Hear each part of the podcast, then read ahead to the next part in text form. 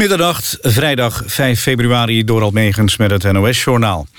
Nationale ombudsman van Zutphen noemt de ophef die is ontstaan over zijn besluit om Mark Dullaert niet te herbenoemen tot kinderombudsman vervelend. In Nieuwsuur zei van Zutphen het echt rot te vinden dat dit gebeurt. Volgens hem heeft Dullaert het instituut van kinderombudsman goed op de kaart gezet, maar hij wil graag met een andere kinderombudsman verder.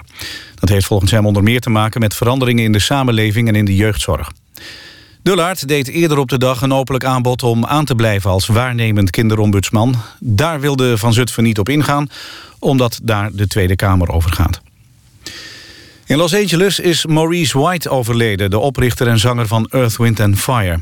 White, die eigenlijk drummer was, richtte de band aan het eind van de jaren 60 op. Wereldwijd verkocht Earth, Wind Fire meer dan 90 miljoen albums. Bekendste nummers zijn Boogie Wonderland, September, Fantasy en After the Love Has Gone. Maurice White was 74 jaar.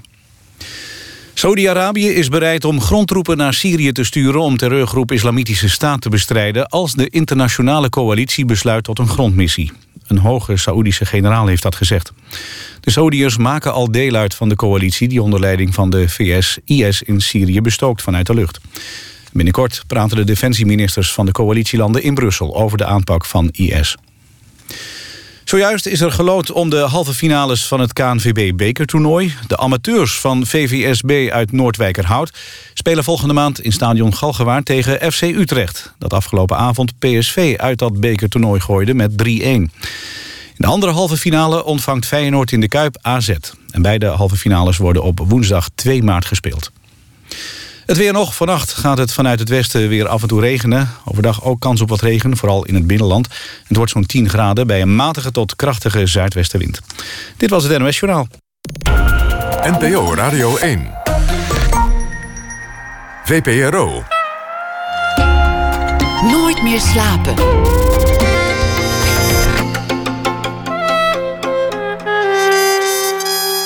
Met Esther Naomi Perquin.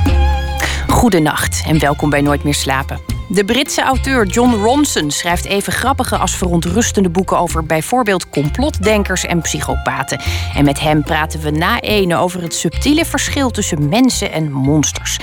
En schrijfster Sana Valiulana komt langs. Zij schreef verschillende romans over Rusland, maar ze weet net zo goed de Nederlandse maatschappij te doorgronden.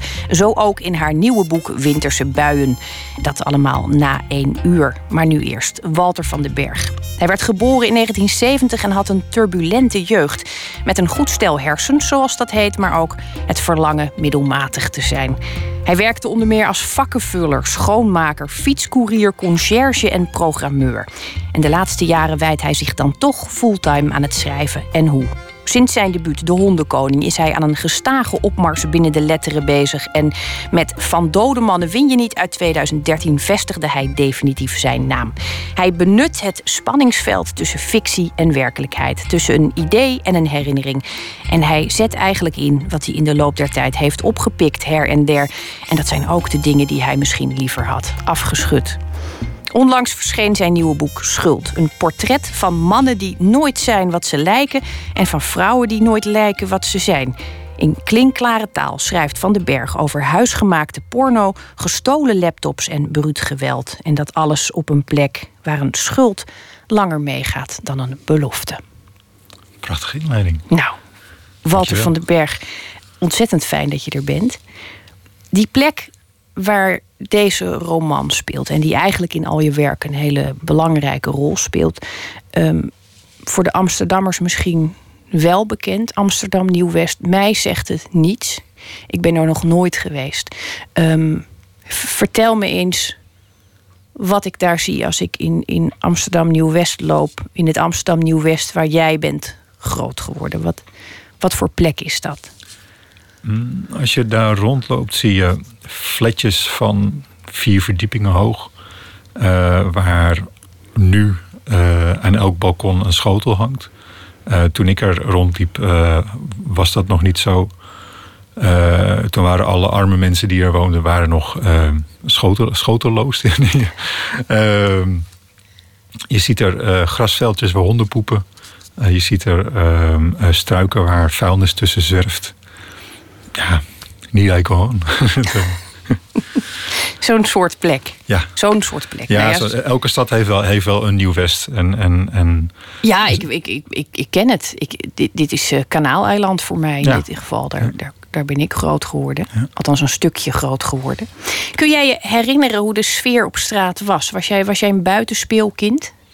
ik was. ehm, ik, ik, ik speelde half buiten, half binnen. Ik, was, ik, was, ik zat veel binnen te tekenen. Maar ehm, het, het, het hangen met vrienden was toch ook wel belangrijk. En eh, met, met, eerst met vriendjes, dus in de, in de jonge jaren en, en dan later met vrienden. Eerst waren de driewielers, daarna waren de, de crossfietsen. Toen kwamen de brommers en toen kwamen de auto's. Was je een, een eh, etterbak? Nee, nee, nee, nee. Ik, nee. ik, was, ik, was, ik was een, een, een watje. Maar ik probeerde wel mee te komen met de etterbakken. Ja, wie niet? Ja, Je deed een dappere poging. Ja, maar dat, is, dat vind ik altijd gek als het over dit soort wijken gaat. Eh, dan lijkt het net of, of, of het daar per definitie heel slecht leven is. Maar ik kan me herinneren dat ik als jong kind in zo'n buurt... er was altijd wat te beleven. Ja. Er waren altijd een aantal buurmannen die met messen achter je aankwamen. Bijvoorbeeld als je daar eh, iets flikte. En er was altijd wel een potloodventer of een vieze vent ergens. Of... Het, was, had- eigenlijk ook iets heel aanlokkelijks. ja, ja en dat is, ik denk ook dat iedereen die in zo'n buurt is opgegroeid... eh, toch altijd met een bepaalde liefde aan terug kan denken. Ehm, en ik weet niet hoe het, hoe nu is om in zo'n buurt op te groeien. Maar het zal gewoon niet anders zijn, toch, denk ik. Het, eh, maar eh, ja, het is, het is, het is wat, je, wat, jij al vertelt, dat, dat, dat, eh, eh, dat kan je meemaken. En, en je, kan, je kan nog veel meer spannende dingen meemaken die elke jeugd kleur geven. Ehm, en, en ik denk dat het. ehm, dat, dat jij, jij kan, kan zo mooi nostalgisch eh, eh, over potloodventers vertellen, zoals je net deed. en ik kan, ik kan ook heel mooi nostalgisch over mijn, mijn buurt vertellen. En het, het- ik, ik ben nog geen potloodventers tegengekomen, omdat die dat meestal niet zo snel, snel bij jongetjes doen. Eh, de- het, het venten zelf. Eh, maar ik heb, ja, ik heb natuurlijk genoeg meegemaakt ehm, wat, wat leuk is geweest. Ook al was het een grauwe buurt. Kom je er nog wel eens? Ehm, ja, ik, ik, heb, ik heb er afgelopen week heb ik er twee keer rondgelopen voor een interview. Iemand wilde mij interviewen en, en, ehm, en zullen we dat dan in die buurt doen? En eh, ja, dat, dat zullen we doen. En ik, ik liep daar rond vol verbazing, omdat er eh, weer allerlei dingen bij waren gebouwd. En, en winkels waarvan ik dacht dat ze er nog wel zouden zitten, omdat ze er al twintig jaar zaten, waren dan alsnog weg. En, dus het, eh, ik, ben, ik, ik kom er nog wel eens. Maar, maar niet, niet eh, uit vrije wil. Het is natuurlijk een beetje een merkwaardige relatie die ontstaat. Je gebruikt het als decor. Het is, het is niet iets wat je als buitenstaander beschrijft, maar als binnenstaander. Je hebt er gewoond, je bent er opgegroeid. Er zit ook geen dédain volgens mij. Maar als je dan vervolgens nu als schrijver teruggaat. En zoals je net al zei, met, met een journalist. Dus, dus in het kader van een interview, je loopt daar rond. Dan is toch, heeft het ook een beetje een, een, een, een pottenkijkergevoel. Of een aapjeskijkergevoel. Ja, ja, nee, dat is het ook. Maar het, het is. ehm, ehm, ik, ik, in het boek zit inderdaad geen DDN, maar, maar ehm, ik kan er wel. ehm, ik, ik kan wel, wel boos worden om. niet per se de buurt, maar wel de mensen die eh, bij zo'n buurt horen. Ehm, en dat, dat, dat, is, dat is ingewikkeld. En eh, ik ga kijken of, of ik eruit kan komen. Ehm, wat, er wat volgens mij ook heel erg in het boek zit, is dat, dat ehm, als je in zo'n buurt opgroeit, kan je heel erg klein gehouden worden. Omdat eh, bij die buurt hoort een, een, een, bepaald eh, milieu. En als je als gevoelige jongen in, in zo'n milieu opgroeit, dan, dan, eh, eh, dan krijg je klappen.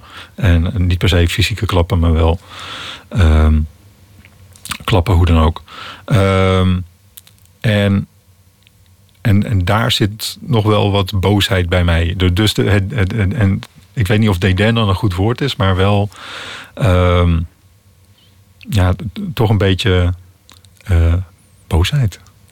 Omdat je, omdat je daar niet op je plek werd geacht, blijkbaar. Ja, nee, ja, eh, ehm, eh, als kind en, eh, eh, ehm, ben je altijd op zoek naar ehm, je plek. En je hoopt dat de plek waar je eh, eh, thuis hoort ook de plek is waar je op dat moment bent. En, dat, en, dat, en als dat niet zo blijkt te zijn, dan is het, levert dat een enorm geworstel op. Is het een weerstand tegen, nou ja, in jouw geval, je was een, ik noemde het net al even, je was een slimme jongen. Je kon goed leren. We- zat daar weerstand tegen? Vonden, vonden, ze, vonden ze, ja, dat klinkt dan heel Ze? gelijk heel raar, maar zo kun je dat wel ervaren natuurlijk. Eh, je- dat, dat, dat voel je gewoon aan, haar fijn. ja. Was die weerstand er voor jouw gevoel altijd? Ja, Ehm, dat, dat kan. Eh, Dat, maar dat kan op meer, meerdere lagen kan dat zijn, die weerstand. Want je, kan, je kan ehm, als kind kan je jezelf eh, heel erg eh, zielig vinden. En, en dan, dan roep je hoe dan ook weerstand op. Ik denk dat bijvoorbeeld kinderen die, die ehm, ehm, bijvoorbeeld flink gepest worden of zo, die, en dat, nu zeg ik het heel gevaarlijk, maar die roepen dat vaak over zichzelf af, over zichzelf af omdat ze zichzelf ehm, ehm, ongewenst voelen. Ehm, of niet, niet, niet op een plek en waardoor ze iets uit gaan stralen, waardoor ze gepest worden. Ik ben al je, je vraag wel helemaal kwijt, joh. dat, dat gaat Dat is ook de op. bedoeling, hè? De bedoeling van de vraag is dat je die kwijtraakt. gaandeweg. Dat, dat is heel eh, prettig om te zien. Het is, eh, het is inderdaad gevaarlijk wat je zegt, denk ik. Ik snap ook wa- waarom je dat erbij zegt. Ehm, maar ik, ik, ik denk dat je bedoelt dat zodra je zelf constateert als kind dat je ergens niet past, dan is dat ook direct zichtbaar voor anderen. en vanaf ja, dat, moment is, dat het, gaat het bergafwaarts. Dat is precies wat ik wilde, wilde zeggen, dankjewel. Wanneer ging dat over? Ging dat over? Ja, dat Had je een keuze daarin? Ehm, ik, ik, had, ik had achteraf gezien had ik daar wel een keuze in. Maar ik denk dat je dat als kind eh, niet zo snel ziet dat je die keuze hebt. Eh, je, voelt je. eh, ik voelde me anders als kind. Ik, ik mag niet je voelt je eh, zeggen, denk ik. Ik voelde me anders als kind. En ik kon er niet in schakelen. Ik, ik, kon, ik kon niet een knop omzetten van... nee, oké, ik ben anders, maar ik, ik ben nu helemaal hier... en la- laat ik er het beste van maken. Ik voelde me heel anders, dus het werd, het het werd gewoon een tranendal. Nou, dat valt ook, valt ook wel mee hoor, maar, eh, dat, eh, maar eh, ik voelde me niet op een plek. En ik deed wel heel erg mijn best om op een plek te zijn. Dus ik heb heel lang vrienden gehad... eh, waarvan ik dacht dat ik daarbij hoorde. Eh, Etterbakjes. ja, Grote, ja, bijvoorbeeld. gemeen ja. kijkende. Ja, ja. Maar dat, dat, dat heeft heel lang geduurd voordat ik ontdekte dat er andere mensen waren waar ik beter bij paste. En wanneer was dat? Toen je dat ontdekte, hoe oud was je toen? Oh, toen was ik wel 30 of zo, denk ik. Jeetje. ja. Niet dat ik toen. Ja, toen woonde ik wel nog in die buurt trouwens. Dus dat, ja. Wat, wat, ik, wat deed dat met jouw uitzicht? Want je bent kind, je wil, neem ik aan, iets worden. Maar je groeit op in zo'n wijk. Nou, zoals jij het beschrijft, is het, het is weinig verheffend. Er is weinig moois of beloftevols aan. Ja. ja, maar dat is ook meteen het probleem van, van zo'n. En nu hangen we het op aan de wijk, maar het, het, het is meer eh, ehm, ja, de sociale laag waar je in, in verzandt. Ja, dit is één grote spijkerbed waar Ja, je nu ja, overheen precies. beweegt. Oh, moet zo voorzichtig zijn. Ja, dat Maar- hoeft niet hoor, voorzichtig zijn. Eh, uiteindelijk telt de intentie, denk ik. Ja, nee, dat, dat, de, eh, ik denk dat, dat je dat als je in een bepaalde sociale laag zit eh, waar je ehm, uit zou kunnen stappen, maar waar die laag tegen jou zegt van ja, doe jij even normaal met je, met je aanstellerij, eh, dan heb je eerder de neiging, had ik eerder de neiging om normaal te doen tussen aanhalingstekens, eh, dan om te zeggen ja nee, eh, dit, dit, ik, ik pas niet in deze laag, laat ik gewoon in een andere laag stappen. Ehm, Het vraagt ook wel veel, hè? Het is een soort drijfzand waar je je dan echt uit los moet trekken. ja, ja, Dat is, dat is nogal wat. ja. Zeker voor een watje. Ja, ja, ja, absoluut. Ja. dat, eh, dat is een worsteling. Was er dan iemand die tegen jou zei... want het, nou ja, als, als blijkt dat je goed kunt leren... Dan, dan, dan hoop je toch altijd dat er dan wel iemand komt die tegen je zegt: joh, luister, je hebt je hersens mee.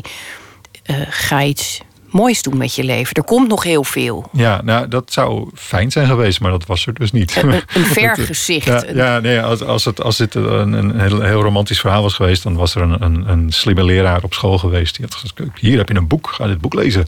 Ja, maar dat, dat was er niet. Eh, ik, ik, heb, ik zat... Uh, op een scholengemeenschap bijvoorbeeld, uh, waar je in de, eerste twee jaar zat iedereen bij elkaar en daarna kon je een richting kiezen.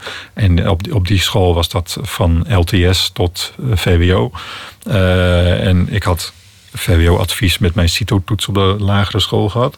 Ehm, maar ik koos voor de MAVO omdat ik dat veilig vond. Omdat ik mezelf had aangeleerd om tijdens de lessen uh, uh, niet te vaak mijn vinger op te steken. Omdat ik, oh, dan heb je hem weer. Uh, dus ik, dus ik, ik, ik, hield steeds vaker mijn, mijn vinger omlaag. En ik ging me een beetje dommer gedragen dan ik was.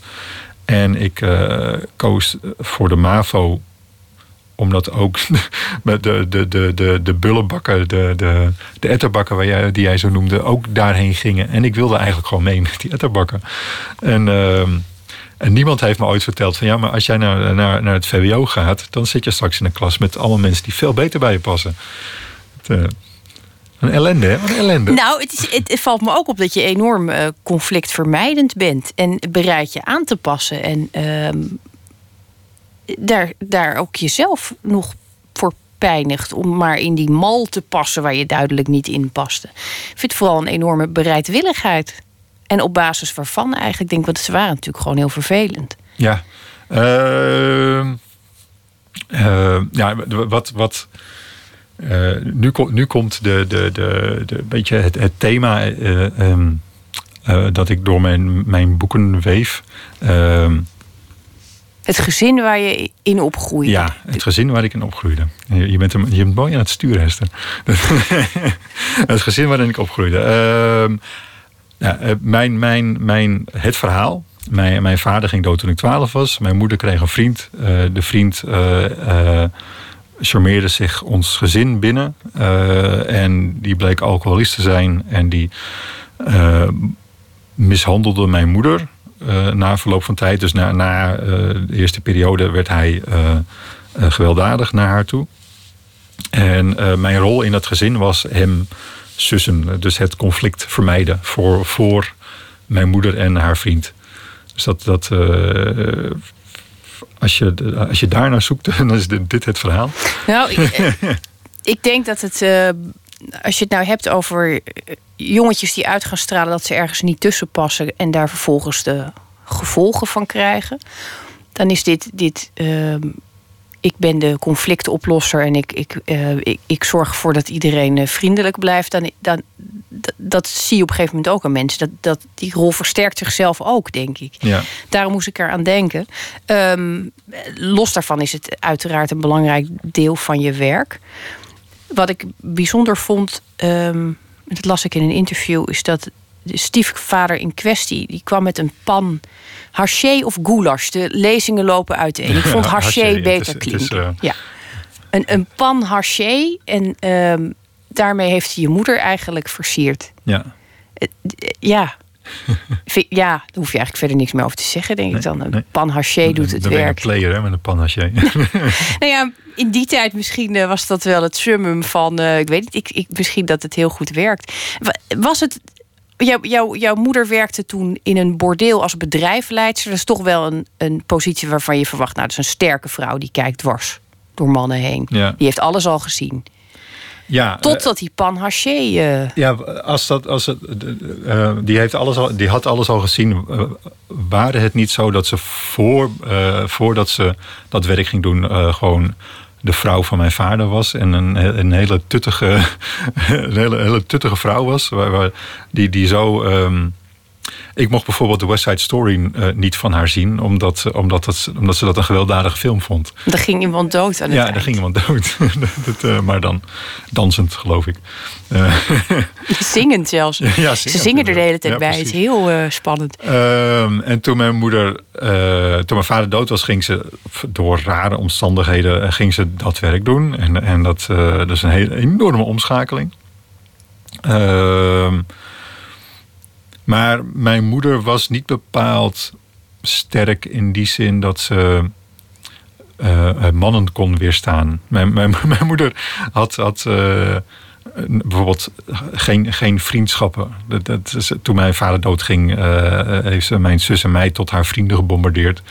En, en, en, en de man in haar leven. De, wij, dus wij waren haar kinderen en haar vrienden. En ze had een man en dat was het. En, uh, en de man werd ook steeds belangrijker verder in haar leven. Dus dat, dat waren dan opeenvolgende mannen. En niet, niet zo ontzettend veel hoor, maar. en, maar het werd steeds pijnlijker duidelijk dat, dat ze, dat ze niet zonder man kon en zo. En, en hoe slecht die man ook was, dat, dat, dat deed er niet zoveel toe. Dus zo sterk was hij niet. Dat is natuurlijk ook dat blijft gewoon het, het verbijsterende in, in dat soort omstandigheden. Dat je, um, ondanks dat je er dus langzamerhand achter komt. Uh, hoe slecht iemand is, dat je hem uh, zelf steeds beter gaat maken in je hoofd. Goed. Uh, daar, daar, hoeven wij nu geen oplossing voor aan te dragen. Um, we gaan het er straks wel over hebben, denk ik. En, en, en ook over wat dat aan schulden met zich meebrengt. We gaan luisteren naar een stukje Madness. Dat, uh, dat past hier ook heel goed, denk ik. Lucius, dat is een band uit New York... waar de vocalen van de twee frontvrouwen om voorrang lijken te strijden. En in maart verschijnt hun nieuwe album Good Grief. En uh, nou ja, wij gaan het nummer Madness dus draaien. I had a dream where you were standing there with a gun up to my head. You were asking how it. To which I said, I cannot lie. There is a tingling down my spine. You have revenge, I'll have it too. What's mine is yours, and yours is mine.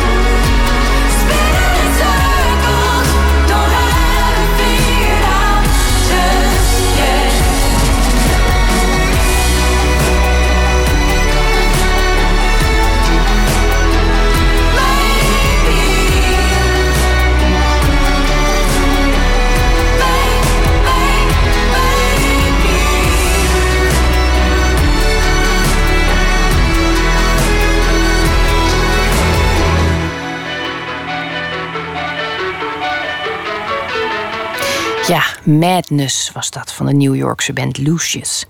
Wij hebben het net uh, gehad, Walter van den Berg, over, uh, over de wijk waar je opgroeide en, en over het gezin waar je in opgroeide. En toen we op dat onderwerp kwamen, toen zei jij, nou, dit is een beetje het verhaal. Dan komt het verhaal. Nou, sta, standaard riedel. Ja, maar dat, dat lijkt me dus heel ingewikkeld. Ik, ik snap dat je het doet. Je moet het verhaal vertellen. Ik, ik, dat, dat moet ook, want we, anders kunnen we dit gesprek denk ik niet eens voeren... als niet helder is waar, wat jouw achtergrond is. Maar tegelijkertijd, als je het zo vertelt... dan, dan, is, het een, dan is het een soort... Uh, een, een achterflap geworden. Ja, ja dat, dat is een beetje het. het uh, ik, ik kies ervoor om het te vertellen. Dus, en dat komt dus vaak terug in interviews, maar omdat ik erover schrijf. En, en dat is. Uh, uh, ik denk dat je. Dat je dat, dat als je goede boeken schrijft, of boeken die, die uh, uh, bij mensen binnenkomen, die gaan denk ik altijd over de schrijver zelf. Ook al uh, gaat het helemaal niet over zijn jeugd of haar jeugd of, of, of wat dan ook. Ehm, ook al gaat het over een, een, een, een schip met een, een, kapitein die op de rotsen loopt, dan gaat het alsnog over de schrijver uiteindelijk. Weet je? En, en, en dat ik, ik kies ervoor om, om wat dichter bij het gebeurde te blijven. Ehm, maar omdat ik die keuze heb gemaakt, vertel ik er dan ook maar over. Dus dat dus zit ik bij de radio te vertellen over, over uh, mijn moeder die verkeerde keuzes met, mannen maakte. dat, uh, dat, dat, dat, is, dat, dat hoort er dan maar bij. Nou ja, het schrijven is natuurlijk. Kan een poging zijn om ergens grip op te krijgen. En ik kan me voorstellen, dit is, dit is natuurlijk uitermate vormend. Je groeit op in een gezin waarbij je ziet dat je moeder wordt geslagen. Je bent te, te jong, te klein om in te grijpen. Je wordt dus in een positie gezet dat je je moet iets doen om haar te beschermen, maar je hebt de middelen niet. Dus het enige wat je kunt bedenken is, nou ja, de aandacht afleiden. Je werd een soort uh, de, de, de rodeo clown. Dat was jij. De rodeo clown, dat is, ja. de titel van mijn volgende boek. Nou, hebben we dat ook vast ontfutseld. De rodeo clown. Is dat iets wat je, um, los van het feit dat het in je werk zo'n belangrijke rol is gaan spelen, doordat je er materiaal van hebt gemaakt, wat je dat, dat moest waarschijnlijk ook. Is het iets waar je in je, in je leven ook uh, grip op hebt gekregen? Is dit iets wat je, wat je voor jezelf ook tot een verhaal hebt gemaakt en daardoor nu onder controle hebt? Doet het nog zeer? Dat is een rare vraag. Maar ja, Nee, dat is geen rare vraag. Want het, uh, uh, wat, wat daar gebeurd is, doet geen zeer meer. Uh, en dat is omdat ik het goed heb onderzocht wat, wat daar gebeurde. Um, bijvoorbeeld uh, Van Dode Mannen Win je niet, dus mijn vorige boek. Uh, dat heb ik, ik heb daar een, verhaal geschreven vanuit het perspectief van een man die uh, zijn vrouwen mishandelt.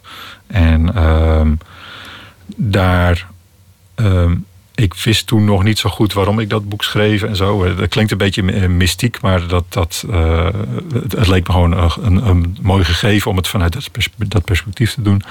En pas. Uh, ik, heb, ik heb vanmiddag uh, Jeroen Vullings van uh, van Vrij Nederland een berichtje via de direct message van Twitter gestuurd om hem te bedanken, omdat ik hij uh, recenseerde van Dode Mannen Win niet. En daarin schreef hij van deze man uh, houdt van het jongetje wat hij aanspreekt. Uh, het is een soort liefdesverhaal van die man naar het jongetje toe. En, en, dat, en, het, en want, want in dat boek laat ik de man vanuit zijn perspectief zijn verhaal vertellen naar het jongetje wat, waar je mij eventueel in zou kunnen herkennen.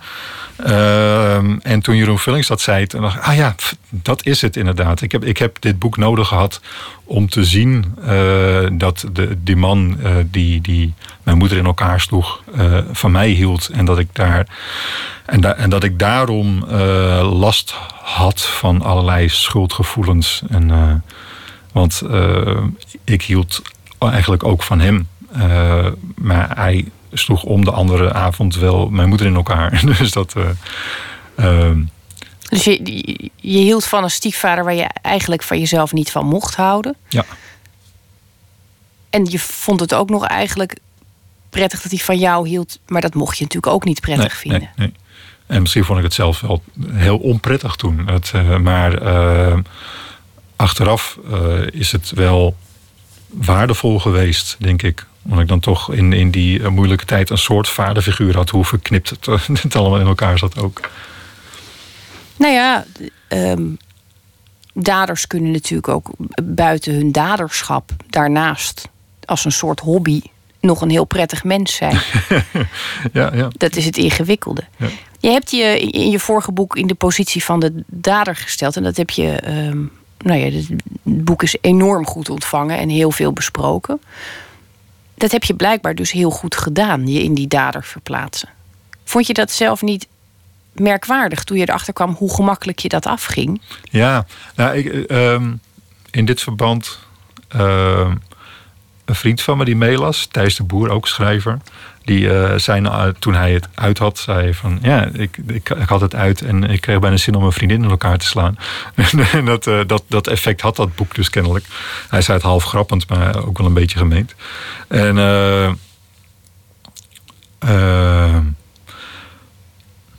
ja, het, het, het was eng. Eh, als in dat, het feit dat het zo, zo makkelijk afging. Want het, het, het, het, het was geen worsteling om dat boek te schrijven. Het, het, het, uh, maar het is ook een beetje omdat het. Uh, waarschijnlijk omdat acteurs het ook zo lekker vinden om schurken te spelen. Je, je, je, kan, je kan lekker losgaan. dat, en ik, ik had, mijn personage had ik op een gegeven moment wel helemaal losgekoppeld van de man die, die mijn moeder in elkaar sloeg. Uh, ik ben wel zo begonnen, maar het, het, hij, is, hij is daar wel los van geweekt. En daardoor kon ik het schrijven. Heb je zelf ooit een vrouw geslagen? Nee. Ik heb ook geen man geslagen. Heb je, ik kan me namelijk wel indenken dat als je zoveel klappen aan moet zien zonder dat je terug kunt slaan, dat er een heleboel klappen op voorraad in je achterblijven. En dat het een wachten is op de gelegenheid dat ze er dan ineens uitkomen ik, ik, zou daarvoor, ik, zou, ik zou bang zijn dat je dan toch iets oppot aan onmacht of frustratie. En dat lijken me nou juist enorme gevaarlijke dingen in, in situaties waarin je mogelijk een klap uit zou. Ben je dan ook nooit in de verleiding gekomen om iemand te slaan? Heb je nooit die behoefte gevoeld? Uh, ja, ja, natuurlijk met, met uh, um, gebeurtenissen op straat of zo. Weet je, de, de, de, ehm, ehm, dat je bijna ondersteboven wordt gereden of zo. En dat je dan zin krijgt om te vechten. dat, dat, dat wel. Uh, uh, maar en, en de, de, nee, nee. nee. Maar dat, dat is ook dat. dat uh, als je zulke dingen hebt meegemaakt, dan is het heel verstandig om een goede therapeut te zoeken. En die, en die had ik dus ook gevonden. En die, ik moet ik, ik heb wel de angst gehad dat, dat ik dat in me had. Ik heb daar wel mee rondgelopen met het feit van ja, ik heb dit, uh, dit is in mijn jeugd geweest en, en je pakt alles op uit je jeugd. En, en uh, bij mijn hele goede therapeut heb ik geleerd dat het helemaal niet zo hoeft te werken. En dat het bij mij dus ook niet zo gewerkt heeft. Het is toch prettig om erachter te komen dat je um, in je watjeschap, wat je in het begin noemde, toch. Uh echt onaantastbaar wat je bent gebleven. Dus karaktervastheid kan je niet ontzegd nee, worden. Absoluut niet. En, en gelukkig maar ook. Het, um, je nieuwe boek Schuld gaat in heel veel opzichten over schuld. Um, en het gaat in zekere zin ook over de, ja, de ongewenste erfenis waar je mee wordt opgezadeld ja. als kind. Ik kan me voorstellen dat je dat in de, in de wijk waar jij bent grootgebracht ook heel veel gezien hebt. Kinderen die mee worden gezogen in die levens van die ouders. Ja, maar ik denk dat dat. Uh, ik denk dat het in elke wijk uh, van welke, welke, welke rijkdom of, of armoede ook, dat het overal gebeurt. Ik denk, ik denk uh, dat iedere ouder iets aan zijn kinderen meegeeft wat, wat hij liever niet door zou willen geven. als je, de, je er bewust van bent als ouder. En ik denk dat nog veel meer ouders zich er totaal niet van bewust zijn wat ze allemaal meegeven aan erfenissen. En dat, dat, uh, ik denk, dat is wel een beetje de kern van, van dit boek, denk ik. Dat, uh, um, wat, wat, wat, wat je allemaal aan shit door kan geven aan, aan, aan je kind. En ik, ik, laat één personage laat ik dat heel, heel erg opzichtig doen. maar dat is om even de boodschap er flink in te hakken, denk ik. Je houdt daar sowieso, want dat ik je, dat, dat, dat, eigenlijk pas je helemaal niet bij wat je schrijft. Bedenk ik nu, nu je dit zo zegt.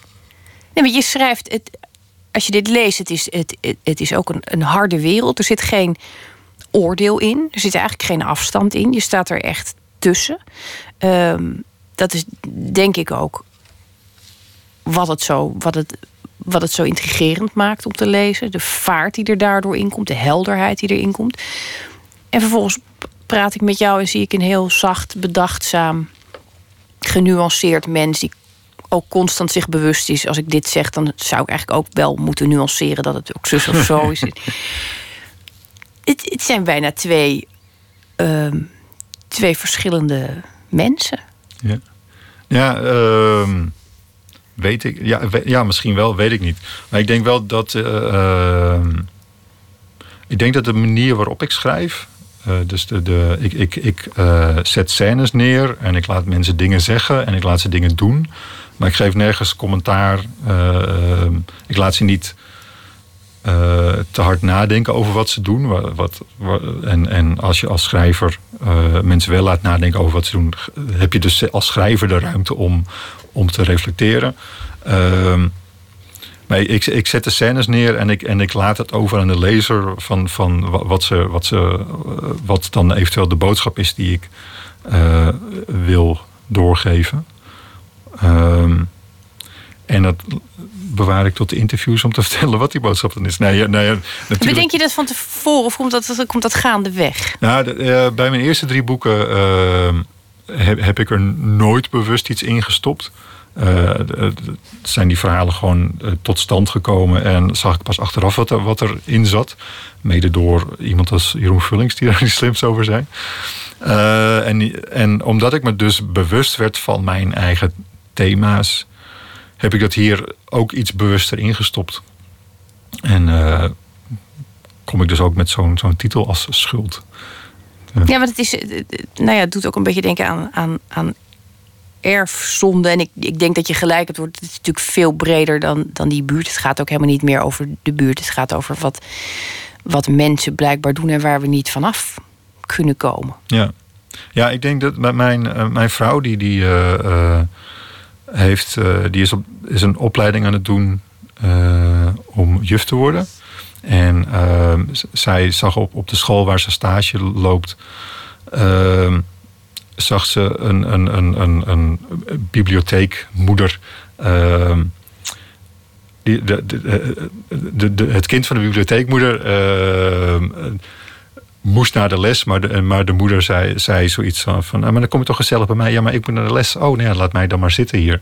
En, en, dat, en, en, en daar, daar, dat kan in elke laag van elke bevolking kan, kan zo'n rare uitspraak kan voorkomen. En uh, als je daar goed over nadenkt, uh, jij begint al van, mijn god, wat, wat, wat een idioot uitspraak. Maar heel veel mensen kunnen zo'n uitspraak doen zonder te zien wat voor gevolgen dat, dat kan hebben. Maar dat, dat, dat, hoeveel onzekerheid, onzekerheid je zo'n kind onmiddellijk meegeeft met zo'n uitspraak. En, en, en zo'n kind ligt misschien s'nachts te malen van, van, van wat, wat, wat, doe ik allemaal verkeerd uh, tegenover mijn moeder. Moet ik niet wat liever zijn voor haar. En, en, en, ja, dat, en dat soort dingen. Weet je, dat, daar, daar denk ik dan over na in, in mijn boeken. Het is grappig dat je, uit, dat je uitgerekend dit voorbeeld kiest. Want dat is natuurlijk een, een voorbeeld waarin je als kind gaat voelen hoe je tekort schiet ten opzichte van je moeder. Of dat nou terecht is of niet. Ik, ik, ik vrees dat we daar bijna allemaal mee behept zijn met dat. Uh... Ja, ja dat, dat, dat, daar ben ik dus ook bang voor, inderdaad. Het erg is natuurlijk ook, dat is de, denk ik de tragiek van. Uh, van het ouderschap is dat, eh, als ik zelf terugdenk, alles, ik vond heel veel dingen prima aan mijn moeder. En eh, soms zelfs heel, leuk, want mijn moeder was een heel onaangepaste moeder eigenlijk. Maar de dingen waarvan ik dacht, nou, dat ga ik later zeker anders doen. Bijvoorbeeld dat ik thuis kwam en dat ik nooit wist in wat voor buizen was. Vond ik zo verwarrend. Dat ik altijd, nee, later, ik word gewoon een heel stabiele. Ja, dat is natuurlijk heel, helemaal niet zo uitgepakt. Ja. En dat, is, dat vind ik altijd wel naar. Zelfs als je heel erg bewust bent wat er eh, mis is gaan en dat ga ik dan corrigeren. Dan blijkbaar lukt dat helemaal niet. Ben je zelf weer. Uh, Zo'n zo'n Dan ben je die erfenis aan het doorgeven. Een erfenis aan het doorgeven. Ja, maar hoe, hoe, hoe ontkom je daaraan? Daar heb jij ongetwijfeld over nagedacht. Hoe ontkom je daar dan aan? Eh, ja, we- weet ik nog niet zo goed. Dat weet ik nog niet. En is het erg als je er niet aan ontkomt? Nee, ik, ik denk dat je, dat je ehm, sowieso allerlei dingen hoe dan ook onvermijdelijk door zal geven. Ehm, als je het maar een beetje weet te beperken. ja, als, als, je, als het maar niet te grof wordt, denk ik zoiets. Het, eh, ja. Van wie heb jij je, je, je vermogen om goed te kunnen leren? Want je, je had dus een VWO-advies, ondanks dat je dolgraag naar de MAVO wilde.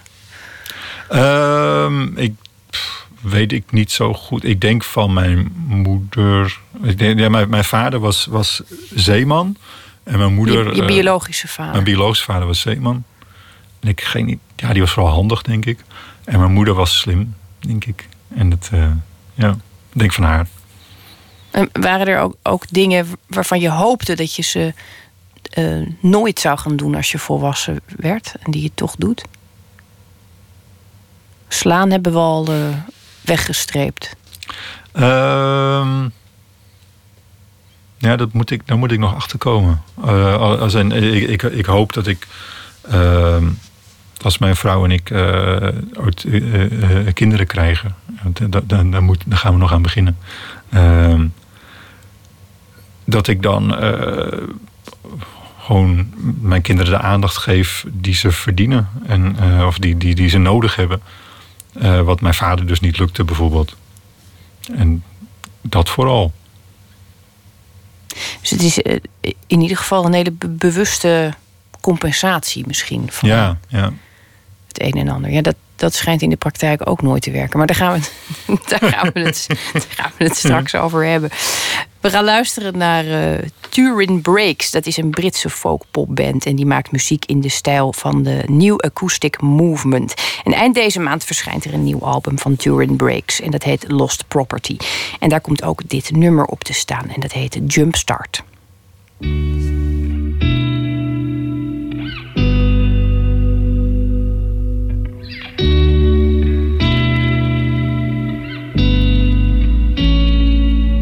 In the morning I'll be alone. It doesn't matter where I go.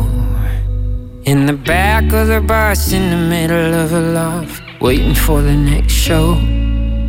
Like a lost cardboard kid, stuck in the background. From the bugs in the ground to the stars in the sky, I need the sound of an old friend. Why don't you sing to me? Like a burned out car. Oh, like a guitar. Taking solo. I'm gonna hold out. Yeah. Everybody needs a jump start.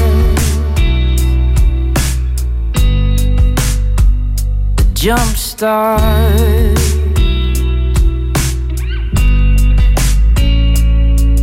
In a world on repeat, everyone asleep at the wheel. The boy in the bubble looking for trouble who forgot to feel. And there's a spark between the day and the night.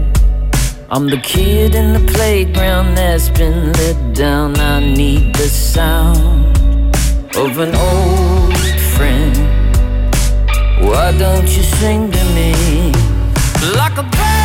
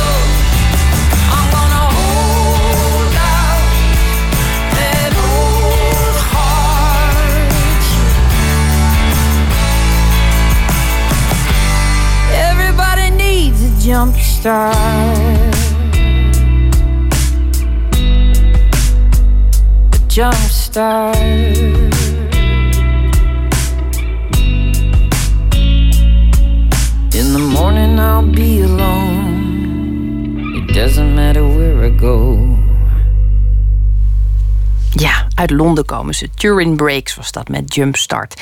En tegenover mij zit nog steeds zomaar Walter van den Berg.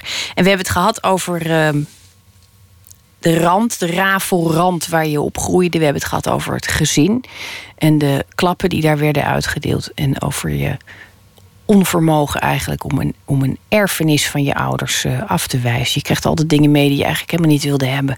En, en de moeite die je dan weer hebt als je dat zelf misschien door gaat geven. Jij zei net dat je, nou ja, je bent net getrouwd. Jullie zitten volgens mij zelfs nog in de, in de witte broodmand.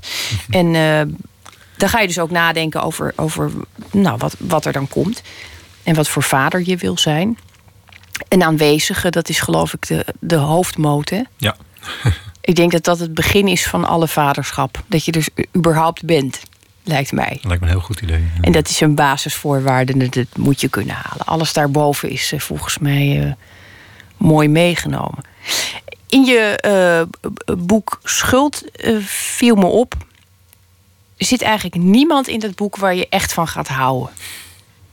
Ook, ook Witte Mo niet? Ja, een beetje van Witte Mo. die eigenlijk Edwin heet. Uh, het is een, toch is het, vond ik het niet uh, uh, liefdeloos, helemaal niet. Maar het, het, het, het, zei me vooral dat jij een, een, een, blik naar mensen hebt, ondanks al je mededogen en, en, en toch een neiging tot conflict vermijden. Je kijkt wel heel scherp. Je bent ook niet bang om, om uh, de duistere kanten in beeld te brengen. En de, en de, en de kortzichtigheid en, de, en het graaien. En uh, er zit eigenlijk heel weinig angst in voor iemand die liever conflicten vermijdt. Ja, maar misschien is dat op het moment dat mijn vingers een toetsenbord raken, dat ik al die angst kwijtraak, de angst voor conflicten. Dat, ik denk, als, als schrijven therapie is, dan is het natuurlijk. Um, en ik zeg niet dat schrijven therapie is. Maar uh, misschien is, is het dan wel uh, logisch dat ik, dat ik knalhard het conflict inga op het moment dat ik, dat ik iets opschrijf. Wat waren, de, wat waren de eerste teksten die je schreef? Waren het, was, je, was je heel jong? Ik, ik was een jaar of veertien, denk ik. En ik, uh, ik schreef science fiction verhalen.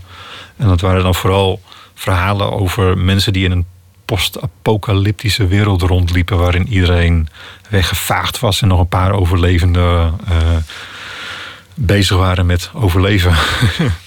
Ja, zelfs ja. als je schrijven geen therapie vindt, lijkt me dit toch een. Uh, ja, lijkt me toch een vrij heldere kwestie. Ja, dat je dan, het is wel dan als vlucht begonnen. Of, of ja, het is een beetje flauw om te zeggen, maar als je gaat, gaat schrijven op, op je veertiende, je schrijft dat soort dingen.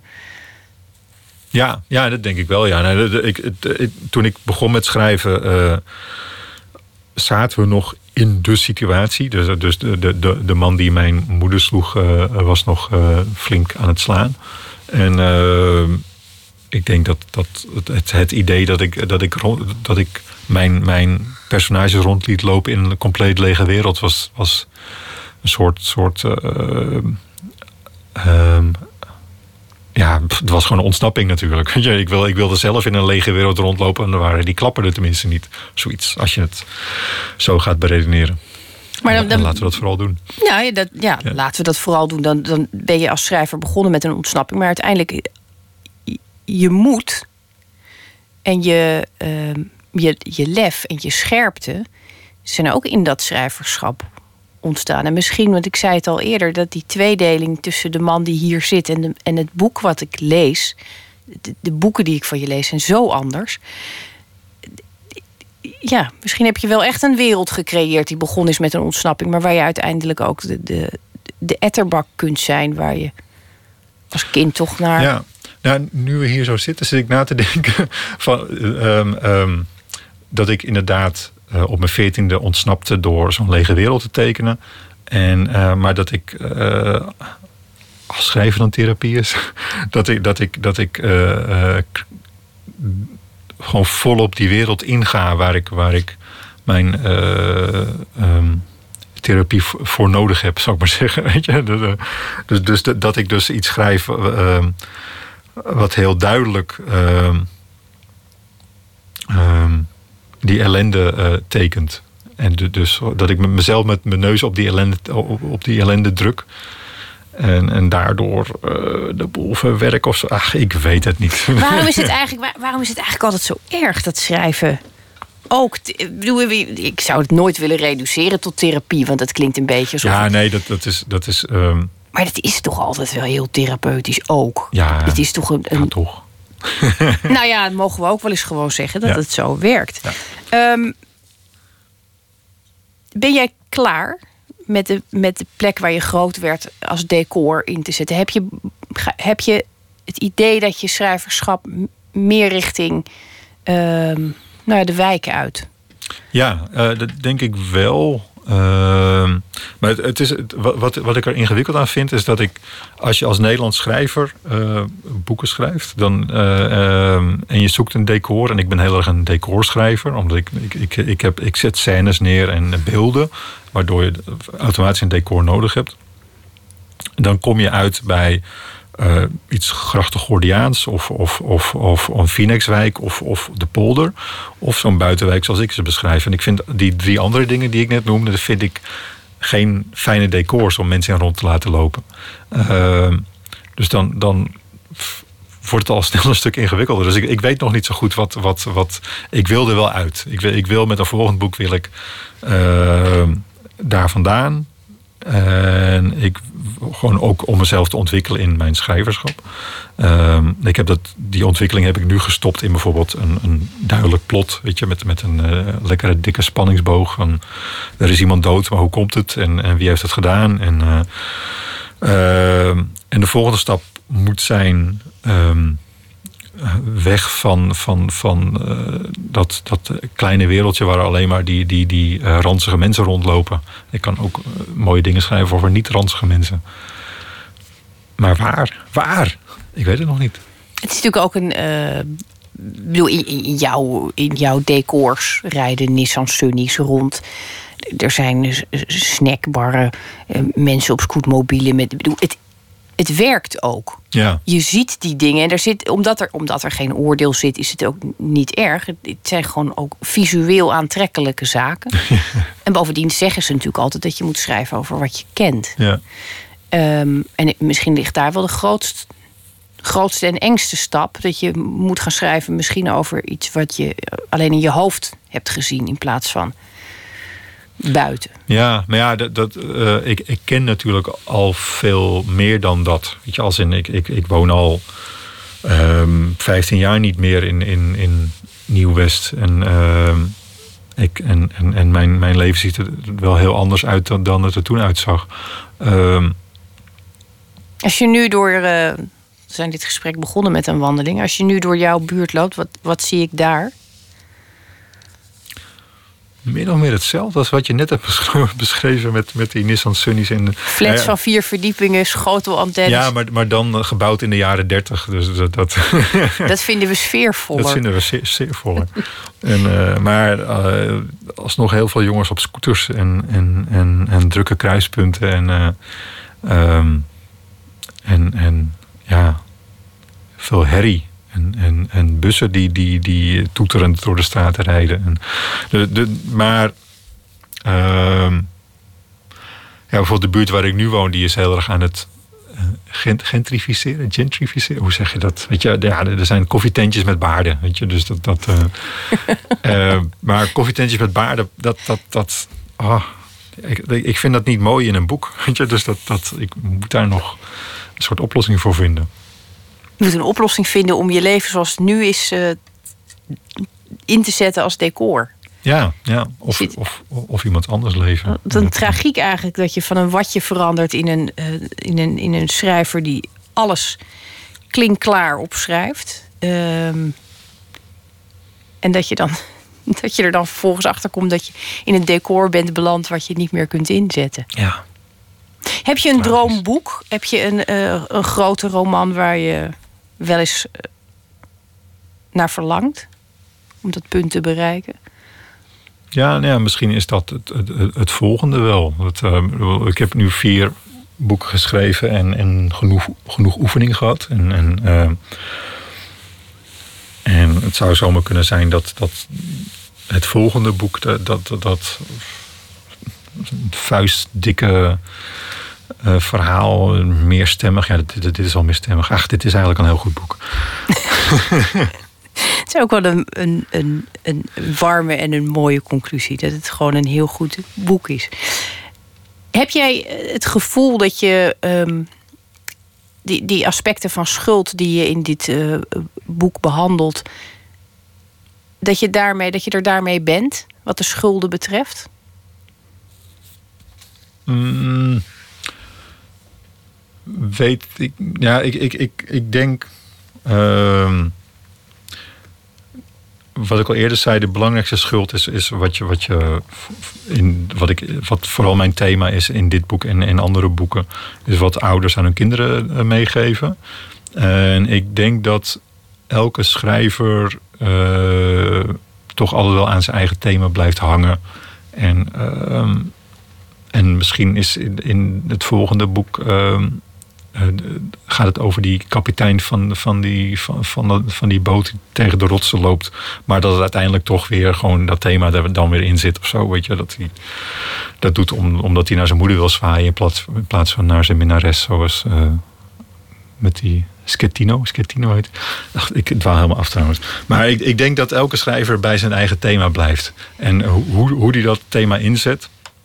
Uh, dat doet er niet toe. Uh, en, en het kan alle kanten opwaaieren met, met verhalen. Maar uiteindelijk blijf je altijd bij dat thema. Denk ik. Nee, weet ik. Het is gewoon zo. Het is, nou ja, dat vind ik ook al. Dat, dat is ook het ingewikkelde. Uh, zonder die stiefvader en, en zonder die hele vormende gebeurtenissen in je jeugd, die tamelijk turbulent genoemd kan worden, was je ook niet de schrijver geworden die je bent. Het, dat vind ik altijd een hele uh, bijna ik smerige geen schrijver geworden dan. Want ik denk dat dat, dat uh, uh, het, de, de behoefte om, om jezelf op zo'n manier uit te drukken, die, die, die uh, komt pas los als er iets is om uitgedrukt te worden. dus dus uh, gooi er een bak ellende overheen. En, en er komt een schrijver uit, of, of een kunstenaar, of een zanger, of een, of een, of een, of een acteur of zo. Maar um, hou die bak al in de achterwege. En, en, en, er is iemand, een accountant die, die, die op zondag gaat windsurfen. Ja, dat, dat, en daar heel gelukkig bij is. En, en, en met, met uh, vooral heel veel liefde en respect voor accountants die op zondag gaan windsurfen. ja, ik denk, ik denk dat je, dat je, dat je uh, als, als, als, je, als je geen ellende meemaakt, ja, dan, dan hoef je ook niet te schrijven of zo. Dat, uh, je zoekt een, een, een stem om iets terug te zeggen.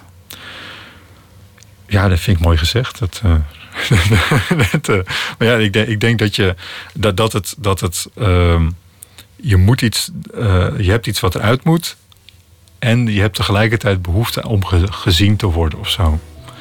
Dus, het, dus het, het, feit dat ik hier ehm, in een microfoon zit te praten en dat er 120.000 mensen luisteren of zo. Dat, dat, dat, dat, dat is dan misschien weer omdat mijn vader uh, niet zo goed was in aandacht geven. Zoiets. Hebben we daar toch de vruchten van geplukt? Ja, precies. Walter van den Berg, dank je wel dat je er was. Ik vond het een, uh, een bijzondere nacht, zo eerlijk gezegd. Uh, na het nieuws gaan we verder praten met Karin Amat Moekrin. Die heeft een verhaal bij het nieuws van de dag. Dat na het nieuws van 1 uur. Op Radio 1, het nieuws van alle kanten.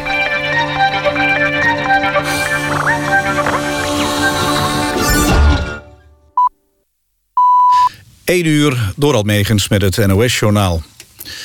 De NS en de spoorwegvakbonden praten volgende week verder... over de veiligheid van het NS-personeel. Afgelopen dag hebben de partijen al uren overlegd. Aanleiding is de steekpartij woensdag in een trein van Heerlen naar Duitsland. Daarin werd een Duitse conducteur door een zwartrijder neergestoken. De OR en de bonden willen een tweede conducteur in treinen na tien uur s avonds. Vorig jaar zijn daar met NS al afspraken over gemaakt. Maar die extra conducteurs zijn er nog niet. Volgens de bonden treuzelt NS. In Los Angeles is Maurice White overleden, de oprichter en zanger van Earth, Wind Fire. White, die eigenlijk drummer was, richtte de band aan het eind van de jaren 60 op.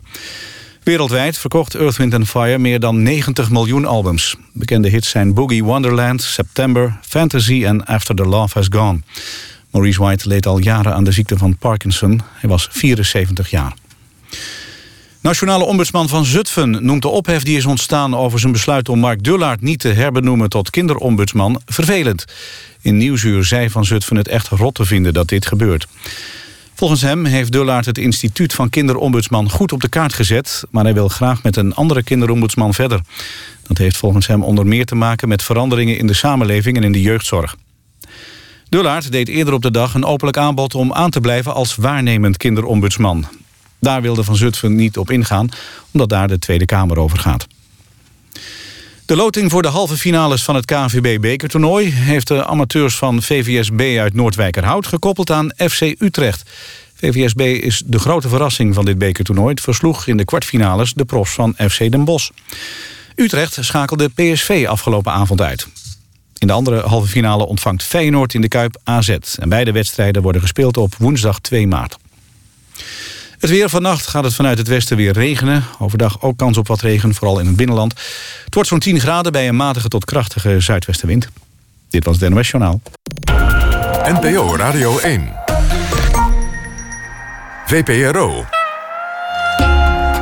Nooit meer slapen.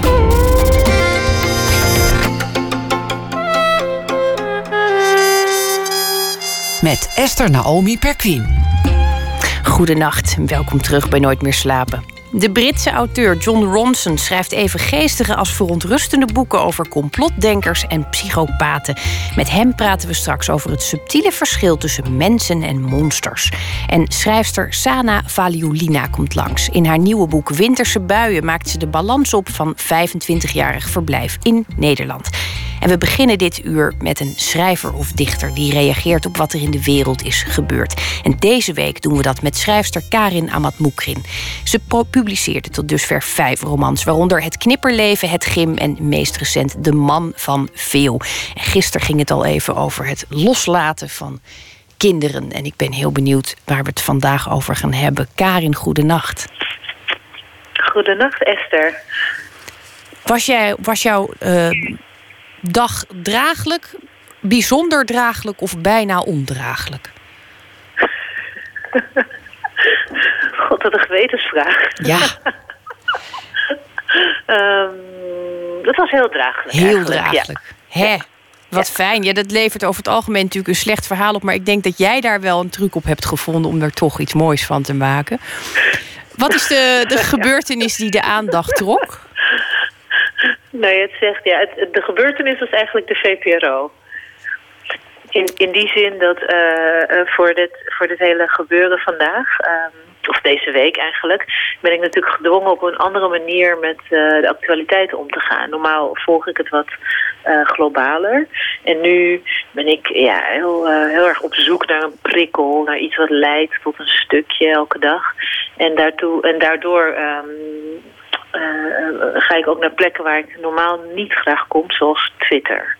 Oh. En daar gaat mijn stukje vandaag over. Nou, ik ga daar met veel plezier en uh, interesse naar luisteren. Oké, okay, daar gaan we. Het is de schuld van de VPRO dat ik de laatste paar dagen meer Twitterberichten heb gelezen dan de afgelopen zeven, acht maanden bij elkaar. Ik zocht naar inspiratie. Berichten die me aan het denken zouden zetten, tot nieuwe ideeën zouden leiden. Wat ik trof was voorspelbaar en ordinair, maar op zo'n banaal niveau menselijk dat ik voor ik het wist verdwaald raakte in wat wel een stadion vol ruziemakers leek. De een riep harder dan de ander, er was zoveel lawaai, niemand verstond elkaar, niemand wilde elkaar verstaan. De laatste keer dat ik in dialoog met iemand op Twitter ging, riep hij dat ik een vieze bruine trut was en het land uit moest. Vier berichtjes gingen heen en weer. In een ervan gaf ik hem een compliment. En we sloten af met gele, ronde gezichtjes die elkaar hartjes toewierpen. Ik had ons uit de impasse geholpen door een beetje aardig te zijn. Ik schreef het eerder deze week al. Het is een strategie die bijna altijd zijn vruchten afwerpt. Voorwaarde is natuurlijk dat in elk geval iemand bereid moet zijn... een zekere mate van beschaving aan de dag te leggen. En daar schort het natuurlijk meestal aan. Mensen zijn minder beschaafd dan ze zouden willen en ze zijn de laatste om dat van zichzelf te erkennen. Ik denk aan Harry Mulisch, die schreef dat wie meningen heeft niet zozeer een romanschrijver is, als wel nog steeds een romanfiguur. En romanfiguren zijn de abominabelste schrijvers ter wereld. Het is een opvatting die mij erg goed uitkomt en die me ertoe zet om het stadion met opiniehooligans andermaal achter me te laten. Als u nu zou meekijken, zou u me zien zitten in een wolk van opengeslagen boeken. Ik lees er op het moment, ik heb ze geteld vanavond om er zeker van te zijn, twaalf tegelijk. Ze gaan over Oekraïne, over Desi Bouterse, over de jeugdjaren van Sartre, over een vader en zijn zoon in het late 19e-eeuwse Rusland, over de vele gezichten van Spanje, over Auschwitz, dat dicht blijkt voor een grootscheepse herdenking, over Ghanese in Parijs, over armoedig Rome, over legendarische metamorfose en over de kille schoonheid van Zweden. Ergens in deze boeken hoop ik dwarsverbanden te vinden. Lijnen die het boek over westers kapitalisme op het Afrikaanse continent uitwerpt naar wat ik had gelezen in Ovidius. Een onzichtbaar koord dat loopt van Odessa naar Sartre. Uit al deze boeken moet een web van verwijzingen, gelijkenissen, dwarsverbanden ontstaan. Een ingenieus systeem van waarachtigheden, van zilveren, doorzichtige snaren die je slechts licht hoeft aan te slaan om er een idee uitgeboren te zien worden.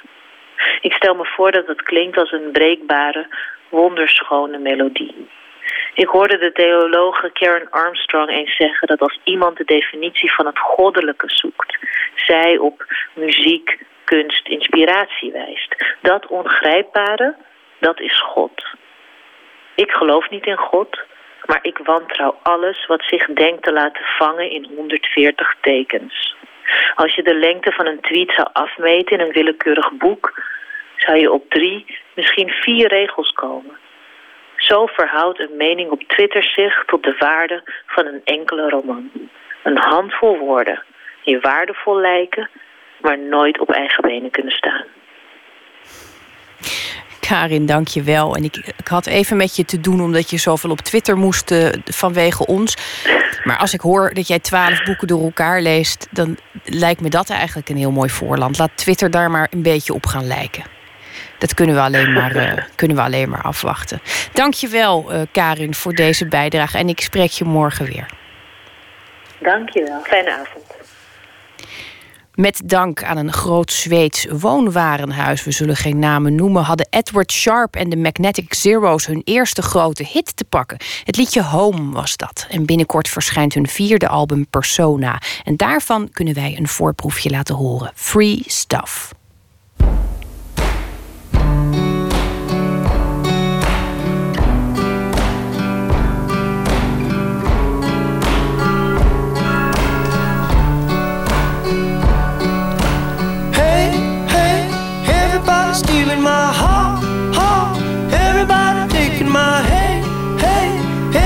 In my home. Home, home, everybody taking my hey, hey, everybody stealing my yacht, yacht, everybody taking my home. Chop, chop, fry,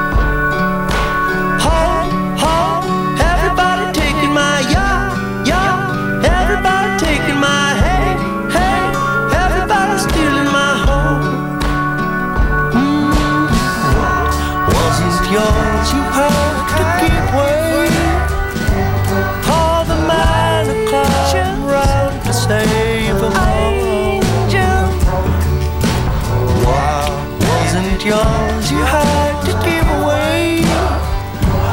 But you know it's in your mind, it's in your mind.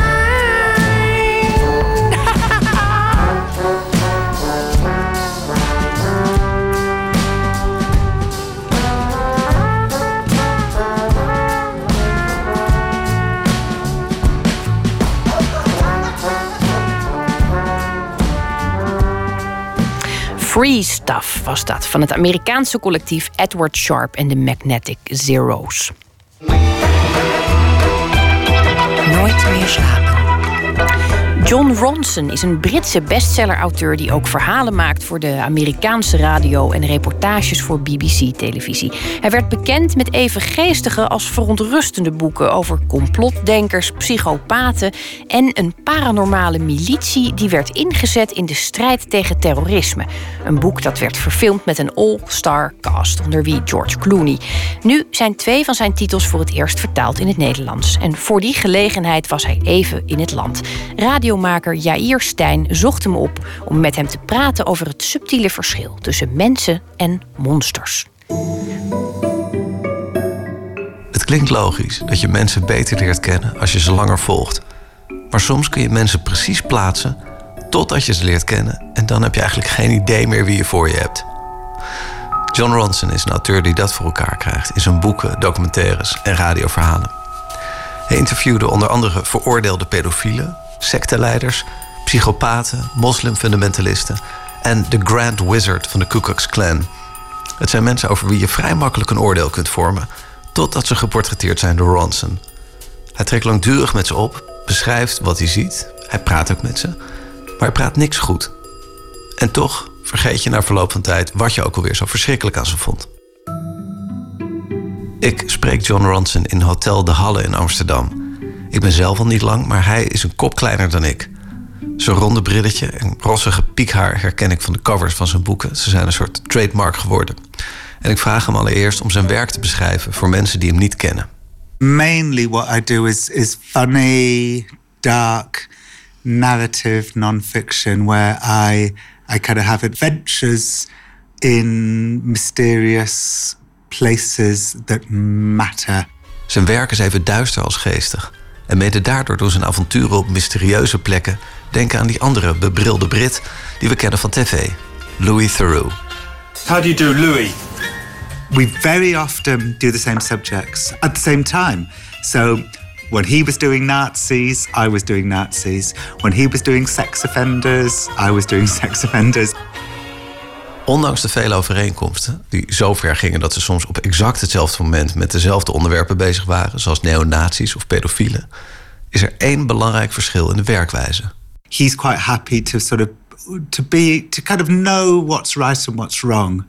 Louis will confront people. Like I think being a racist is bad. You know, that's something that Louis will say. Yeah. I don't do that much. Louis Theroux kan in gesprek met een neonazi zeggen dat hij vindt dat racisme slecht is. Ronson zou je dat niet zo snel zien doen. Hij wil geen vertegenwoordiger zijn van de zogenaamde normale mensen. I don't want to be the representative of, of normal life. En toch is ook Ronson, net als Louis Theroux, zelf aanwezig in zijn verhalen... als een soort lichtelijk naïeve reisgids in een landschap vol bizarre subculturen. Ik vraag hem of hij zijn eigen karakter kan beschrijven... zoals het naar voren komt in zijn boeken. Het antwoord? Bedachtzaam, onhandig en dom.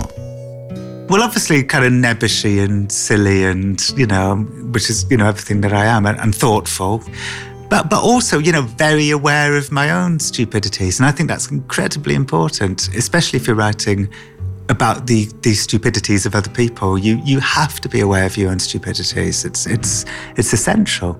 Als je schrijft over de domme dingen die anderen doen, vindt Ronson, dan mag je jezelf niet ontzien. I think empathy is my biggest thing. Empathy for people who don't necessarily, who you wouldn't necessarily imagine deserve it. Zijn grotere doel: empathie kweken voor de mensen van wie we denken dat ze het niet verdienen. I think that sort of sums up what I try and do. Is like let's take the monsters and demonsterize them, and maybe you know let's take the heroes and make them a little bit less heroic too, because we're, we're all in the middle. Mensen maken van monsters. En in het verlengde daarvan ook helden een tikkeltje minder heldhaftig maken. De voorliefde voor outcasts, mensen die uit de maatschappij zijn verbannen, stamt uit zijn eigen beschadigde jeugd. It comes from damage. Um, I, I, is the honest answer. Like I had a bad childhood. Um, I was like badly bullied at school, and I think that definitely contributed to me wanting to empathise with with people who were damaged. Als kind was hij dik en hij werd gepest. Hij vertelde erover in een van zijn verhalen die hij maakte voor het radioprogramma This American Life. My six-year-old son says to me, "Were you thrown in a lake?" Yes, I say, I was thrown in a lake when I was 16. Why? he asks. Because I was fat, I say. And there's two lessons to be learnt from this. Don't be a bully and don't be fat. Een akelige kindertijd verklaart nog niet het gemak waarmee hij mensen interviewt die in en in slecht lijken te zijn. Bronson zelf zegt dat het makkelijk is om zich over zijn vooroordelen heen te zetten. Het gaat vanzelf. It's not so much that I, that I block it out. It's more that my interest in that person overwhelms it. I don't even think about the prejudice. Zijn nieuwsgierigheid is sterker dan wat hij van tevoren denkt te weten. Most of the time, when I'm about to enter into an interview situation or an adventure where I'm going to spend time with somebody, I've the person I've chosen is somebody I'm really interested in. Like I, I, I excitedly want to know about this person, and so immediately, the relationship. Ik vraag hem of er niet ook risico's zijn bij het al te menselijk maken van monsters. En ik leg hem de zaak voor van de Engelse moslimfundamentalist Omar Bakri, die pas zou rusten als de zwarte vlag van de islam boven Downing Street zou hangen. Ronson volgde Bakri midden jaren 90 en schetste het beeld van een man die graag naar The Lion King kijkt en die voor de grap fatwa's uitspreekt om Ronson aan het schrikken te maken. Iemand dus die je nauwelijks serieus kan nemen. Het boek Them met het portret van Bakri verscheen in 2001, kort voor de aanslagen. In december 2013 werd een Britse soldaat op straat afgeslacht door een van Bakri's volgers. Ronson lacht, maar is zichtbaar gegeneerd als ik erover begin. Well, you know, you've you've definitely um, identified one e- essay where history, you could argue, proved me wrong, because a few years later, you know, sure enough, comes 9-11, and then a few years after that, Omar's people were were um, Butchering people in the street. yeah, yeah. The, the the the the kind way of looking at that story would be this is this is Hitler in his painting years. Ondanks dit soort ervaringen, waarbij vriendelijke mensen toch psychopaten bleken te zijn, blijft Ronson opkomen voor hen die uitgekotst worden door de samenleving. In zijn laatste boek is de duistere wereld die hij opzoekt de onze. Gewone mensen op Twitter en Facebook die anderen, soms om bijna niks, publiek vernederen en te gronden richten. Zoals Lindsay Stone. Lovely woman, worked with adults with learning difficulties. Ze was zeer geliefd. You couldn't think of a, of a better person. Maar op Facebook haalden ze wel eens een flauw grapje uit. But she always had this kind of douchey running joke with her friend. And the joke was they would pose in front of signs and do the opposite of what was on the sign. And then they'd post it for their friends on Facebook. So, like, they would smoke in front of a no smoking sign, or they'd walk on the grass on a sign that said, keep off the grass. Op een dag loopt ze langs een militaire begraafplaats met een bordje waarop staat stilte en respect. And so, as she said to me, inspiration struck. Famous last words. Yeah.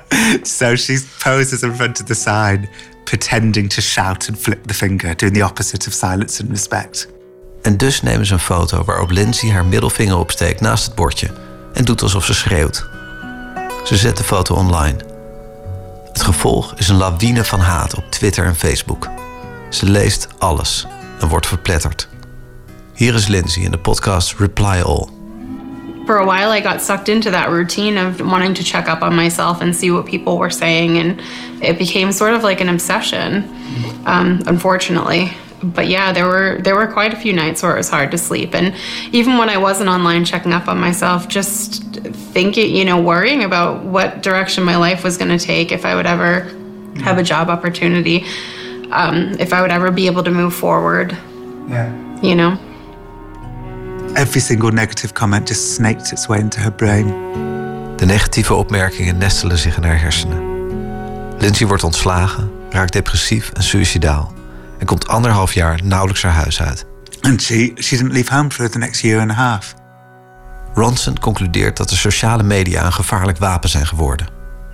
In de begintijd gaf Twitter een stem aan mensen zonder macht. Maar nu gebruikt de massa diezelfde stem tegen individuen die zich niet kunnen verdedigen. Wij, weldenkende mensen op Twitter, schrijft Ronson, zijn als kleuters die naar een pistool toe kruipen. En publieke vernedering doet meer dan mensen depressief maken. I talked to a prison psychiatrist who says that the conclusion he came to is that all violence is an attempt to replace shame with self-esteem. Een psychiater die onderzoek deed in gevangenissen ontdekte dat alle geweld van de criminelen die hij sprak voortkwam uit een poging om schaamte te vervangen door eigenwaarde. En zo kunnen de vernederingen op Twitter ook weer nieuwe monsters creëren. Ik stel Ronson de vraag die iedereen hem stelt na de publicatie van dit boek: waarom hij zelf nog steeds op Twitter zit. Hij weet het niet. I think primarily because I'm an idiot. Ik vertel hem dat ik zijn werk al jaren volg, zijn radioverhalen, zijn boeken. En dat ik hem altijd zo sympathiek vond, geestig, kwetsbaar. En toen las ik deze week voor het eerst zijn Twitterberichten en ik durfde het hem nauwelijks te zeggen. I saw a different side of you. Someone I I, I, Why, I what? didn't like as much as the other John Ronson. What? Which what? John Ronson op Twitter is niet onaardig. Maar het is wel iemand die het meteen aan al zijn 140.000 volgers vertelt... als hij weer een aflevering van Making a Murderer heeft gezien. Hij vertelt over alle live-optredens die hij doet. Hij heeft minder zelfspot en lijkt meer ijdel te zijn... dan de man die ik ken uit zijn werk. En als ik hem dat zeg, reageert hij geschokt. Um, Alsof ik hem vertel dat hij zelf een monster is. Maybe I should take what you just said as as uh, as you know evidence that I should not be on Twitter. Misschien, zegt hij, is het tijd om echt met Twitter te stoppen.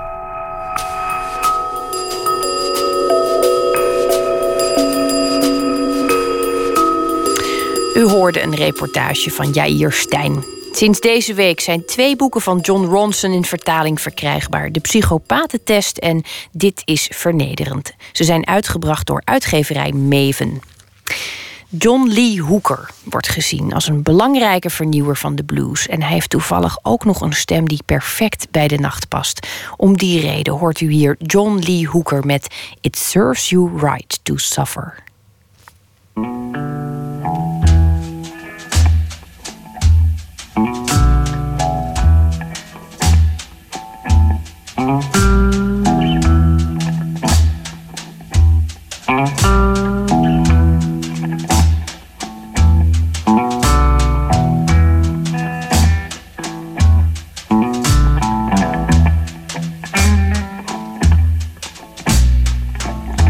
Serve you right to suffer. Serve you right to be alone. Serve you right to suffer. Serve you right to be alone. Because you're still living the day done past and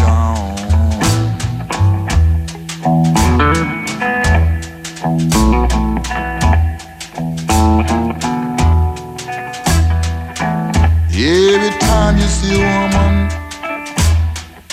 she make you think of your. Every time you see a woman, she make you think of yours. And that's why, that's why, that's why you can't.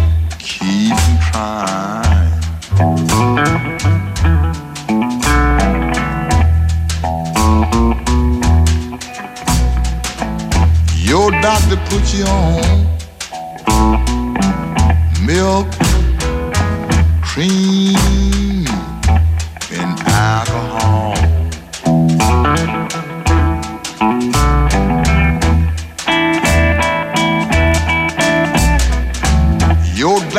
put you on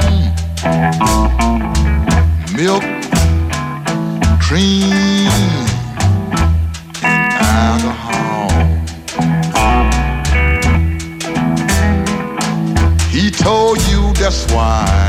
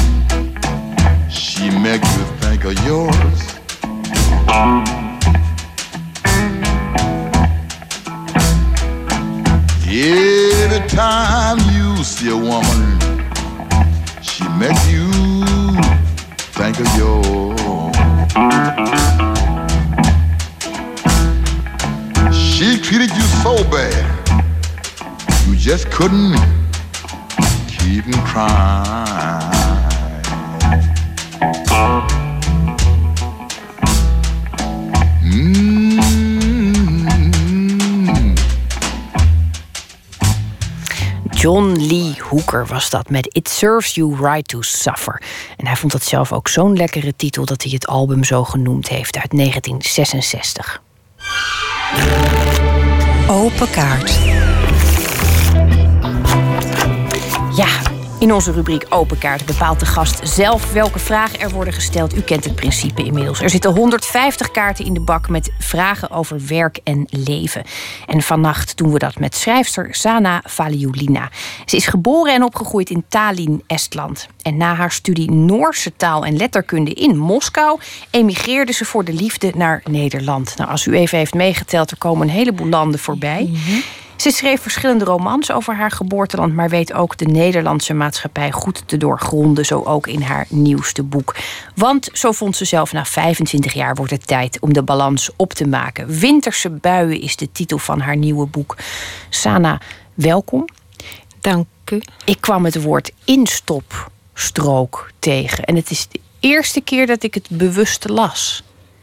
Ja, dat, dat, dat heb je dan als je, als je Nederlandse bent, zou ik zo maar zeggen. Nee, instopstrook eh, eh, is een prachtige uitvinding. En het was voor mij ook een prachtige on- ontdekking. En ik, ik ben nog steeds dol op de instopstrook. Het is, allitereert ook nog prachtig. En eh, ik voel me ook bekocht als ik een... eh, ik had één keer het in de aanbieding bij een eh, van die hele chique bedovertrekker gekocht. Maar er zat geen instopstrook bij. Was dat gewoon een hele grote, nou ja, zou ik zeggen... Oh nee, bieder zeg ik gleuf. En, en dat viel gewoon die deken steeds uit. En ik kon me ook niet onder het matras stoppen. Dus ik voelde me bezwaard. Ja, ik, eh, ik wil alleen maar eh, met de instopstrook... eh, onder de inst met instopstrook slapen. Ja, ja, Ja. dat begrijp ik. En het lijkt mij eerlijk gezegd ook een hele goede test. Als je nou wil weten of je echt eh, Nederlander bent geworden na 25 jaar. Hmm. Als je teruggaat omdat je lakens geen instopstrook hebben, dat lijkt mij toch het ultieme inburgeringsexamen. Ja, ja, ja. Maar dat was ook eigenlijk eh, eh, dat onmiddellijke liefde hè, voor de instopstrook. Dat is, dat is, ja, ik weet niet of je dat onder een nummer cultuur, cultuurshock moet... maar dan in de positieve zin natuurlijk. Dus, want dat was eigenlijk... nee, ja... Wat verwachtte ja. jij van Nederland toen je kwam? Had je Mm. een beeld? Want het, was, het was in 89. Eh, ja, ja, een sprookje. Ja, dat is natuurlijk. Dat geldt voor bijna alle mensen van mijn generatie die opgegroeid zijn achter het ijzeren gordijn. Want we reisden eigenlijk helemaal niet. Hè? Ik heb Noors gestudeerd, weliswaar, maar ik ben nooit in Noorwegen geweest tijdens mijn studie. Pas in Nederland. Vanuit Nederland ben ik naar Noor- Noorwegen gegaan.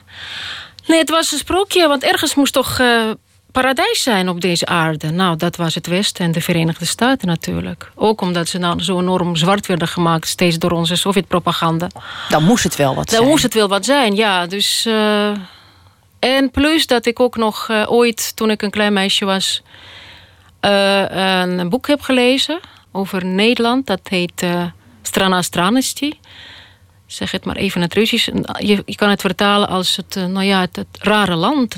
Land der rare dingen. Nou ja, nou, over instopstok stond er trouwens niks. Maar wel over eh, hoe mensen haringen aten. Dat zij eh, bepaalde dingen... Ja, nou ja, ook over die stranden. En over die huisvrouwen die maar die stoepen schrobden. En nou ja, al die dingen. Nee, ik had echt absoluut een... een, een, eh, ik ging naar een sprookje. Ja. Je kwam vanwege de liefde, zo gaat dat vaak. Ehm, als je alles huis en haard achterlaat, dan moet er wel een grote liefde in het spel zijn. Ehm, is, is de liefde voor Nederland ook groot geworden in de loop der tijd? Eh, is dit het- echt je vaderland geworden voor je gevoel? Eh, ja, ik ben eigenlijk, eh, ja, ik denk het wel. Liefde, als het goed is, verandert natuurlijk ook. Hè? Dus dit is ook veranderd. Ik, maar ja, ik, het is een deel van mij geworden. Dus het is eigenlijk ook geen vraag meer of ik daar van Nederland houd of niet. Of ik het haat of niet, of wat dan ook. Of welke gevoelens ben. Maar het is gewoon een deel van mij. Ik ben door de helft Nederlands. Dat valt niet meer te ontkennen. Dus ik zit toch ene helft. Het is precies de helft van mijn leven. Dus ik ben nu 51. Ik kwam naar Nederland toen ik, nou ja, 25 was, 24. 24, bijna 25. En dat is dus precies de helft van mijn leven. Dus ik ben door de helft ben ik gewoon Nederlands. En door de andere helft, ja, weet ik veel. Ik heb nog zoveel andere ja, identiteiten, of hoe je dat maar mag noemen. Maar het is natuurlijk zo'n mix. Heel veel mensen, bewoners van de Sovjetruimte, dragen heel veel identiteit in zich. Dat is gewoon ook door de geschiedenis zo bepaald en gegaan. Ja, ik, eh, ik, eh, ja, ik ben Nederlands gewoon. Punt uit. Het is mijn tweede, het is mijn, mijn moederland of vaderland. Dat andere is misschien mijn moederland. Want dat in het Russisch ook, Rodina, dat is, dat is eigenlijk meer, meer vrouwelijk, moederland. En Nederland is misschien mijn vaderland, weet ik veel. Ja. Ik ben heel benieuwd wat we over jouw identiteit eh, kunnen onthullen aan de hand van eh, de kaarten. Ja, de kaarten. Wil je mij een plezier doen en een kaart trekken? Ja, dat is ook heel eng. Ik krijg echt hev- hevige hartkloppingen. En terecht hoor. Ik wil het niet erger maken dan dat, het is. Nee, maar, maar- dat komt door, het, ook door mijn verleden een beetje. Want dat doet me heel erg denken aan, aan, die, aan, aan, examen. Ik heb aan de universiteit gestudeerd in Moskou. En we hadden alleen maar mondeling examens. Dus dat betekent dat je zo'n eh, in zo'n zaaltje daar naartoe gaat. En dan moet je ook, een, zoals het heet, een biljetjenoet. Betekent dus een, een, een zo'n kaart trekken. En daar heb je dus, je weet ook totaal niet eh, wat het is. Dus dat is voor mij uh, hartkloppingen, trauma's. Dus nu, bij deze is het in ieder geval duidelijk geworden... dat wij deze, deze rubriek hebben gebaseerd op een Russisch examen. Ja, dat is duidelijk, duidelijk. Even kijken. Eh, wanneer is het idee voor dit werk geboren? En dit werk bedoelen we... Dit boek? De winterse, winterse buien. Winterse buien. idee is misschien wel geboren ergens in maart 2015. Of zoiets. Eh, op een gegeven moment eh, zei iemand wel misschien tegen me van... hey, is het niet een tijd dat je dingen die je gedaan hebt... gewoon bij elkaar te brengen, op een, vorm aan te geven? Want ik, ik heb er zelf nooit aan gedacht. Ik schrijf nu ongeveer vanaf 1995. Romans ben ik gaan schrijven in 1999. Maar daarvoor heb ik ook nog kleine stukjes geschreven voor Rusland Monitor en NRC. En eh, nou ja, die schreef ik maar gewoon. En eh, verder dacht ik er niet zoveel aan. Totdat dat idee kwam. En ik dacht, verdomd, is misschien helemaal niet zo gek. Want ik had ook een behoorlijke chaos in mijn eh, digitale huishouden. En huishouden gewoon. Toen, eh, nou ja, toen heb ik dat maar aan mijn uitgever voorgesteld. En het is eigenlijk gegaan zoals meer dingen in het leven gegaan, zouden moeten gaan. Dat was gewoon heel goed. Hij was heel enthousiast. En eh, nou ja. Het, het klinkt bijna als je er zo over praat alsof je dacht... nou, dit is een goede gelegenheid om de boel eens even op te ruimen en te sorteren. Dat is toch eigenlijk wel waarschijnlijk toch de, de hoofdreden geweest een beetje. Want eh, op een gegeven moment weet je niet meer wat je doet. Ik weet, althans, ik weet eigenlijk nooit goed wat ik doe. Totdat ik dan dat in dat proces, en dat het proces begin van dingen een beetje op een rijtje te zetten. En dat was eigenlijk ontzettend nuttig geweest. Ben je zelf nou ook weer een, een klein beetje lezer? Als je dan al je werk bij elkaar zet en je, en je maakt selectie en, en het wordt een boek. Hmm. Kun je er dan weer een beetje naar kijken en denken: Goh, wat is eigenlijk een heel. Het is eigenlijk heel goed. Je bedoelt dat ik dan, eh, dan gewoon daarnaar kijk alsof het een werk van iemand anders is in afstand. Broodnodige afstand. Ja hoor. Ik heb natuurlijk ook geselecteerd, want eh, niet alles zit erin. Eh, ja, ik was eigenlijk dacht, oh, en dat heb ik dan dit gedaan. En, en, en nee, zo zou ik het misschien nooit meer doen. Maar ik sta er toch achter. Ja, dat zijn toch die overwegingen. Ik heb nog gedacht, wat, wat zal ik wel of niet opnemen in de bundel? Zal ik recensies doen of niet? Maar aan de andere kant denk ik, god ja, eh, over Pushkin, dat is onze grote Russische eh, dichter. Dat moet er gewoon in. Ja, zo is het, het idee geboren voor dit werk. Ik ben heel blij, want het was ook verspreid over verschillende digitale apparaten. Want ook sommige waren helemaal niet gedigitaliseerd. Die eerste stukken, die moesten gewoon overtikken. En als je overtikt, kan je ook tegelijkertijd redigeren, Verbeteringen. verbeteren. Ja, kun je die verleiding dan weerstaan om je oude ik bij te werken? Want dat. Mm, nee, ik heb het niet te veel gedaan, maar sommige stilistische dingen wel. Dacht ik, nou, dat het eh, gewoon een stom woord. Ik ga hier anders voor, voor, voor gebruiken. Maar nooit ingrij echt ingrijpen. Nee, ik heb het niet herschreven. Alsjeblieft, nee, dat niet. Pak nog een vraag. Nog een vraag. Eh, wanneer heb je voor het laatst hard gelachen? Oei. Eh, voor het laatst. eh, Mensen die daarover na moeten denken zijn Ja. over het algemeen geen. niet, niet op hun dijen kletsende moppetappers. Nee, nee, nee, dat ben ik niet. Maar ik kan ook lachen om niks. En dan vergeet ik het ook weer. Ik, ik eigenlijk het leukste vind ik het onnozele lach. Van dat, dat hele bevrijdende. Ik kan ook me helemaal aangestoken... me laat aansteken door twee giggelende bakvissen bijvoorbeeld. Het is dan ook humor waar eigenlijk de, de, de, communicatie is teruggebracht tot iets wat losstaat van taal. Iets wat Ja. overal ter wereld ja, werkt. Ja, ja, ja. Dat, dat is natuurlijk universeel. In die zin is het eh, fantastisch.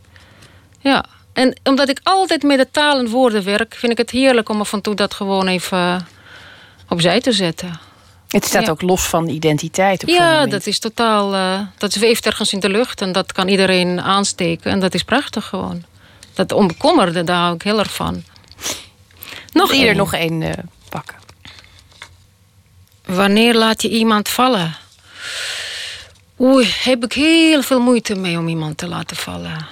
Eigenlijk, eh, ik heb volgens mij niemand laten vallen in mijn leven nog. Dat Moet kan niet echt, kloppen. eh, over- Daar moeten we wat aan gaan doen. Ja, ja, ik moet misschien toch naar die sofa, op de sofa gaan liggen of zoiets. Misschien is het toch niet helemaal... Nee, ja, iemand laten vallen kan ook een vorm van eh, opruimen zijn. Je Een bedoelt er van iemand, maar iemand, dat is natuurlijk een mens. Hè? Dat is geen Ja. ding. We hebben het over mens. Ja. Ik vind het moeilijk om, want iedere mens vindt, eh, eh, verdient natuurlijk mededogen en, en dat soort dingen. Dat heb ik allemaal geleerd en dat is toch mijn eh, heilige principe. Ehm, ik ben misschien ook nooit zo hard op mijn bek gegaan dat ze ook nog kunnen. Dat ik die kans niet kreeg. Misschien, eh, ik weet niet, of moet je die kans creëren om iemand toch te laten vallen, om te bewijzen dat je dat kan? Geen idee. Eh, ik kan wel mensen uit mijn leven. eh, ik, ik vind laten vallen een ontzettend vervelende uitdrukking. Dat is alsof je bak, is het een baksteen. De, mens verwoordt tot een ding. Zo dat kan gewoon denk niet. ik ook. Ik denk ook dat het zo maar voelt. iemand uit mijn leven wegstrepen, dat kan ik. Dat kan ik heel makkelijk. Op, op grond waarvan? Op grond van. eh, Oh ja, teleurstelling is eigenlijk ook weer niet genoeg. Ik vind het te slap. Misschien dat je dan de ware, oh god, de ware aard van iemand doorziet. En, en dan denk je, die wil ik niks mee te maken hebben. En eh, zoiets vreselijk. Nou ja, het is ook, het is ook vreselijk natuurlijk. Ben je zelf wel eens laten... Heeft, heeft hij met jou Iemand eens- mij laten vallen. Ja?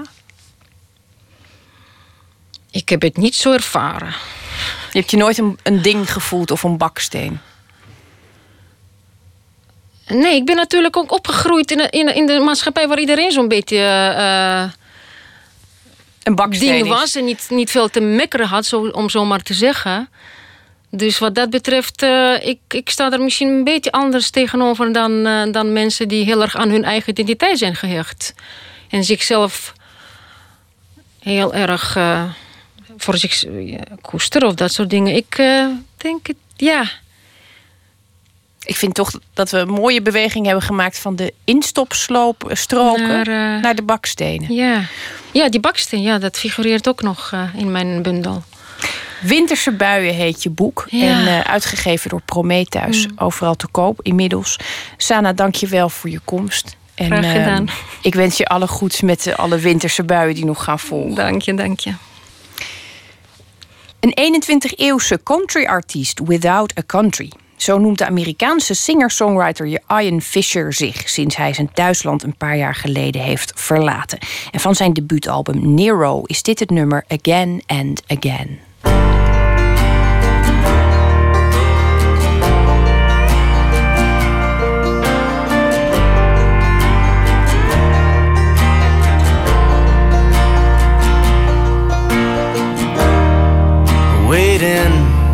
For a flash in the pan idea.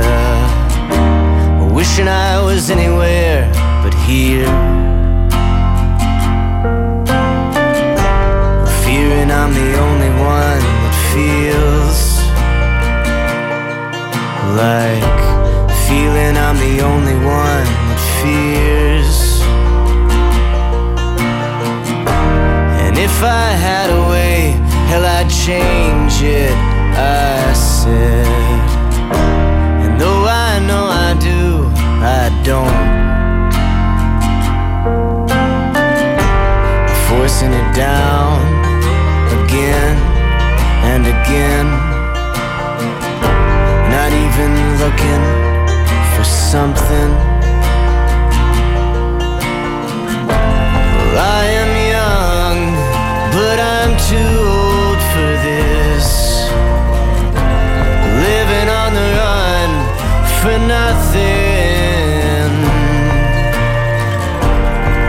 Forcing it down again and again. Going down.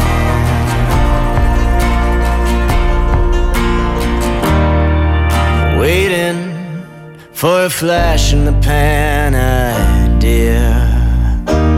Wishing I was anywhere but here. Fearing I'm the only feels like feeling I'm the only one that fears. Well, I am young, but I'm too old for this. Living on the run for nothing.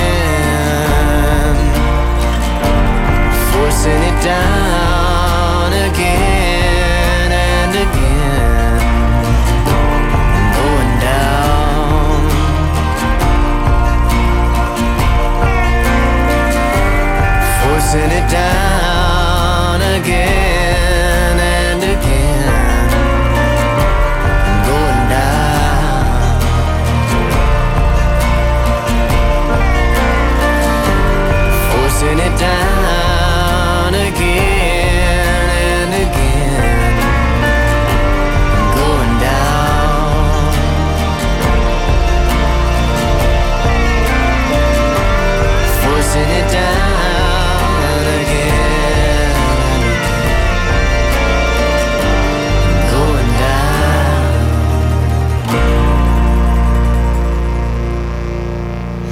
Amerikaanse troubadour Ian Fisher hoorde u met Again and Again. Nooit meer slapen.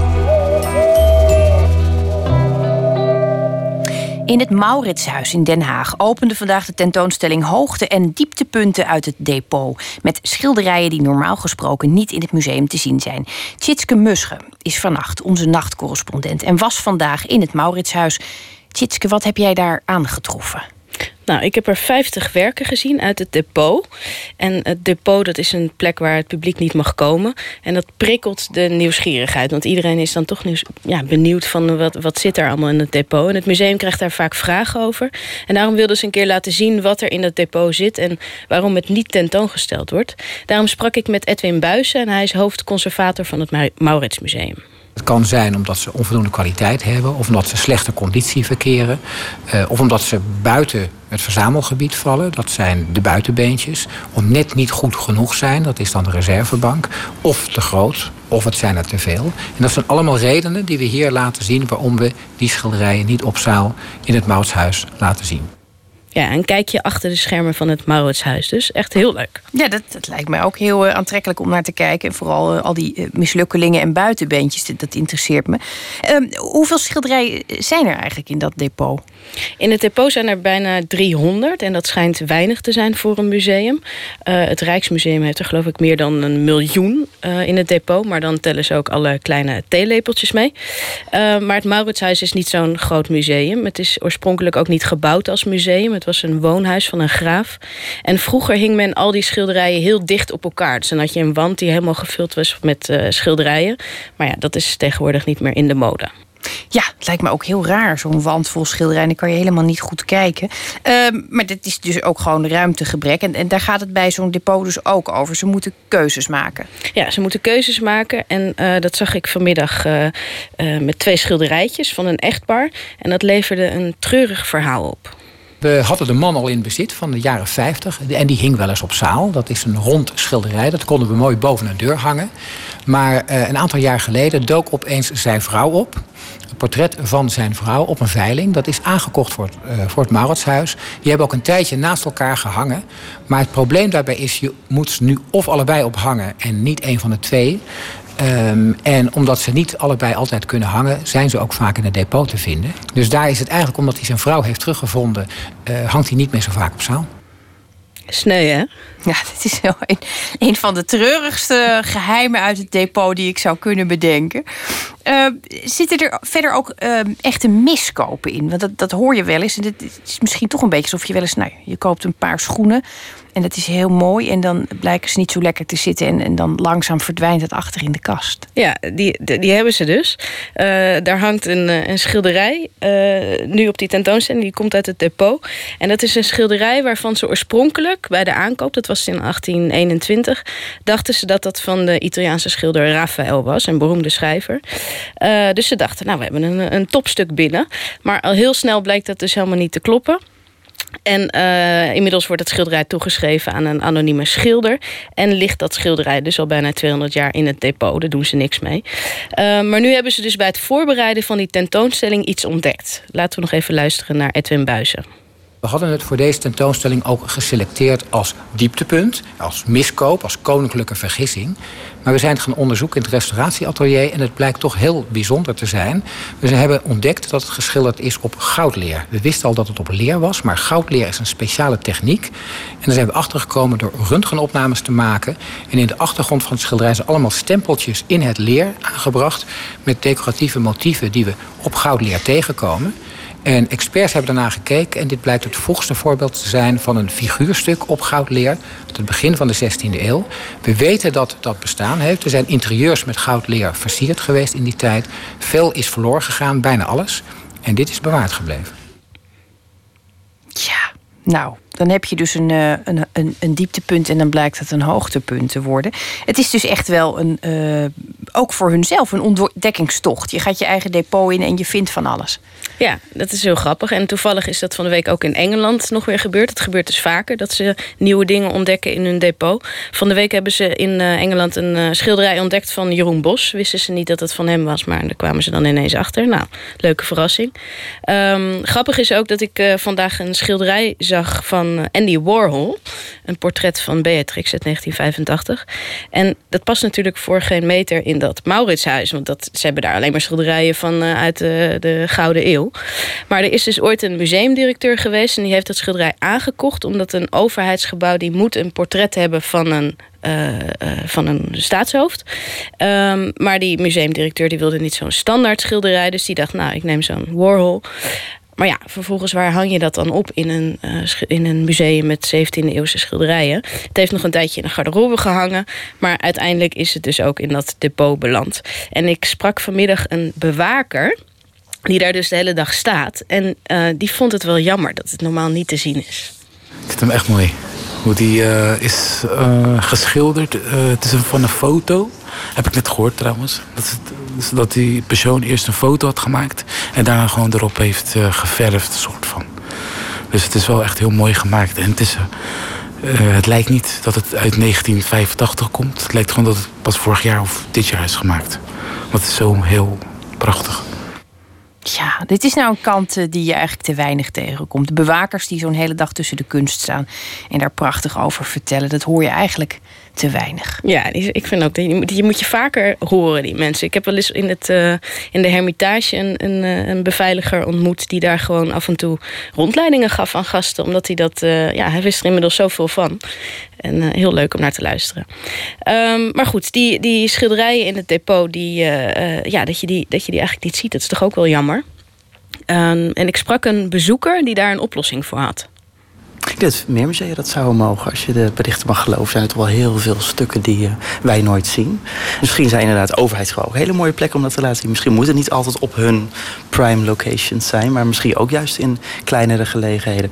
Of juist, eh, kijk, ik kom zelf uit het bedrijfsleven, waarom ze inderdaad niet een soort uitleen dan? Hè? Als ze zeggen van nou, het heeft toch niet een grote financiële waarde. Je ziet, gemeentehuizen hebben ook vaak moeite om een beetje fatsoenlijke kunst aan de wand te krijgen. Nou, waarom eh, niet op zo'n manier dan? Lijkt mij echt een heel goed idee. Ja, dat vond ik dus ook. Ik dacht, dit is het gouden ei. Dus ik heb het ook meteen eh, voorgelegd aan eh, conservator Edwin Buizen. Eh, Dat is op zich een goed idee, alleen eh, dat gebeurt ook wel. We hebben ook wel schilderijen in het verleden uitgeleend aan overheidsgebouwen. En in sommige gevallen doen we dat nog steeds. Maar de eisen die gesteld worden aan het tentoonstellen van oude schilderijen worden steeds strenger. En je kunt schilderijen niet zomaar overal ophangen. Want ze zijn gevoelig voor schommelingen in klimaat en temperatuur. En we hebben hier een voorbeeld van een schilderij dat in een slechte conditie verkeert. Omdat het in een overheidsinstelling heeft gehangen in Nederlands-Indië, het huidige Indonesië. Onder hele slechte omstandigheden. En dan kun je zien wat er met zo'n schilderij gebeurt als je er niet goed voor zorgt. Nou, en dat schilderij was er ook echt slecht aan toe. Je zag helemaal van die witte plekken en, en scheuren. En eh, ja, het zag er niet uit. Maar ook interessant om te zien. Ja, nou, zo, zo eh, leren wij ook weer wat bij. Het is natuurlijk ook waar. Wij denken veel te makkelijk. En zo'n schilderij, dat is natuurlijk allerlei eisen en toestanden omheen. Ehm, een fascinerende blik in ieder geval, lijkt mij. En die, die tentoonstelling is, als ik het goed heb, eh, nog tot 8 mei te zien. Hoogte- en dieptepunten uit het depot in het Mauritshuis in Den Haag. Tjitske Musche, dank je wel voor je Graag gedaan. We gaan muziek laten horen van Elvis Costello. De eerste single die hij met zijn backing band The Attractions opnam. Watching the Detectives.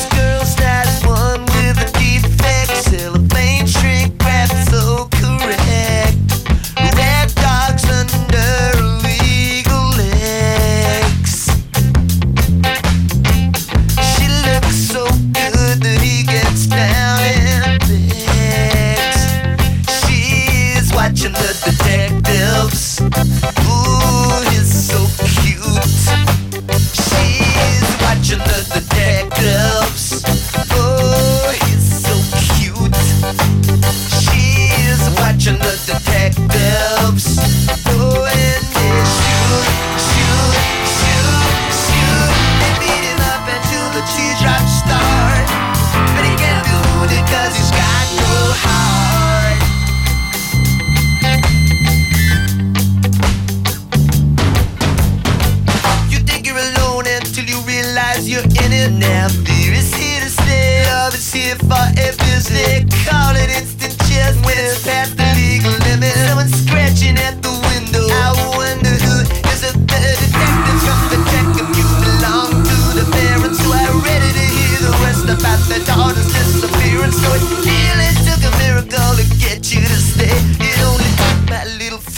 Fingers to blow you away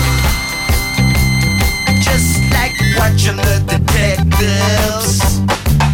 Don't get cute, just like watching the detectives.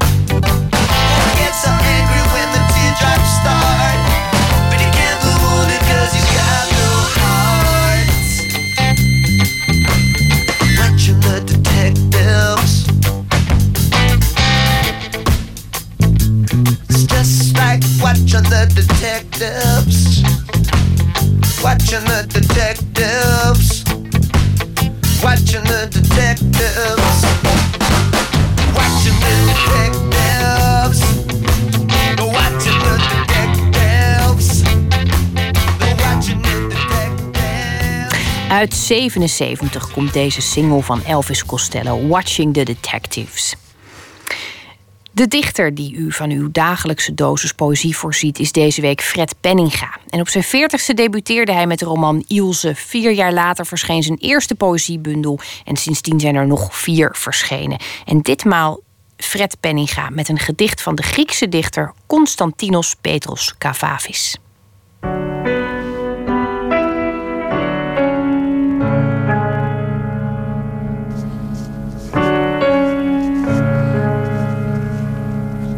Vanavond een gedicht van de Griekse dichter Kavavis. Hij is eigenlijk pas na zijn dood gepubliceerd. Voor die tijd schreef hij wel, las het aan vrienden, maar hield het voor zichzelf. Hij was zeer onzeker over de kwaliteit van zijn werk. Verder kan ik over hem vertellen dat hij exact op zijn 70ste verjaardag overleed. Ik ben 70, dat u dat weet. En een leuke anekdote vind ik dat mijn neefje, destijds in de vijfde klas van het VWO, waar ik graag mee optrok en correspondeerde, enkele gedichten van hem las die ik hem had gestuurd en daarover terugschreef. Goed hé, hij schrijft net zoals jij. En dat vond ik het begin van mijn eeuwige roem. De etalage van de sigarenwinkel. Bij een fel verlichte etalage van een sigarenwinkel stonden ze, te midden van veel anderen. Toevallig kruisten hun blikken elkaar en uit een schuw en aarzelend het wetteloos verlangen van hun vlees. Daarna enkele nerveuze stappen op het trottoir, totdat ze een glimlach wisselden en een lichte knik. En toen was er het voertuig, afgesloten. Het sensuele naderkomen van de lichamen. De vereende handen. De vereende lippen. U hoorde dichter Fred Penninga met het gedicht De etalage van de sigarenwinkel van Constantinos Petros Kavavis. Tot slot nog iets over morgen. Dan komt de Rotterdamse schrijver, annex punkrocker Jerry Hormoon langs om te praten over zijn verhalenbundel Het is maar bloed. De verhalen gaan over het lichamelijke en geestelijke geweld dat we elkaar en onszelf aandoen. En acteur Helmert Woudenberg komt langs. In de voorstelling Landverrader speelt hij zijn eigen grootvader Hendrik Jan. In de rubriek Open Kaart is hij gewoon zichzelf en beantwoordt de vragen die hij uit de stapel trekt. Dat onder meer morgen. Dan ben ik hier weer en Pieter van de Wielen is er maandag weer. Ik, uh, ik spreek u morgennacht. Graag. Tot dan.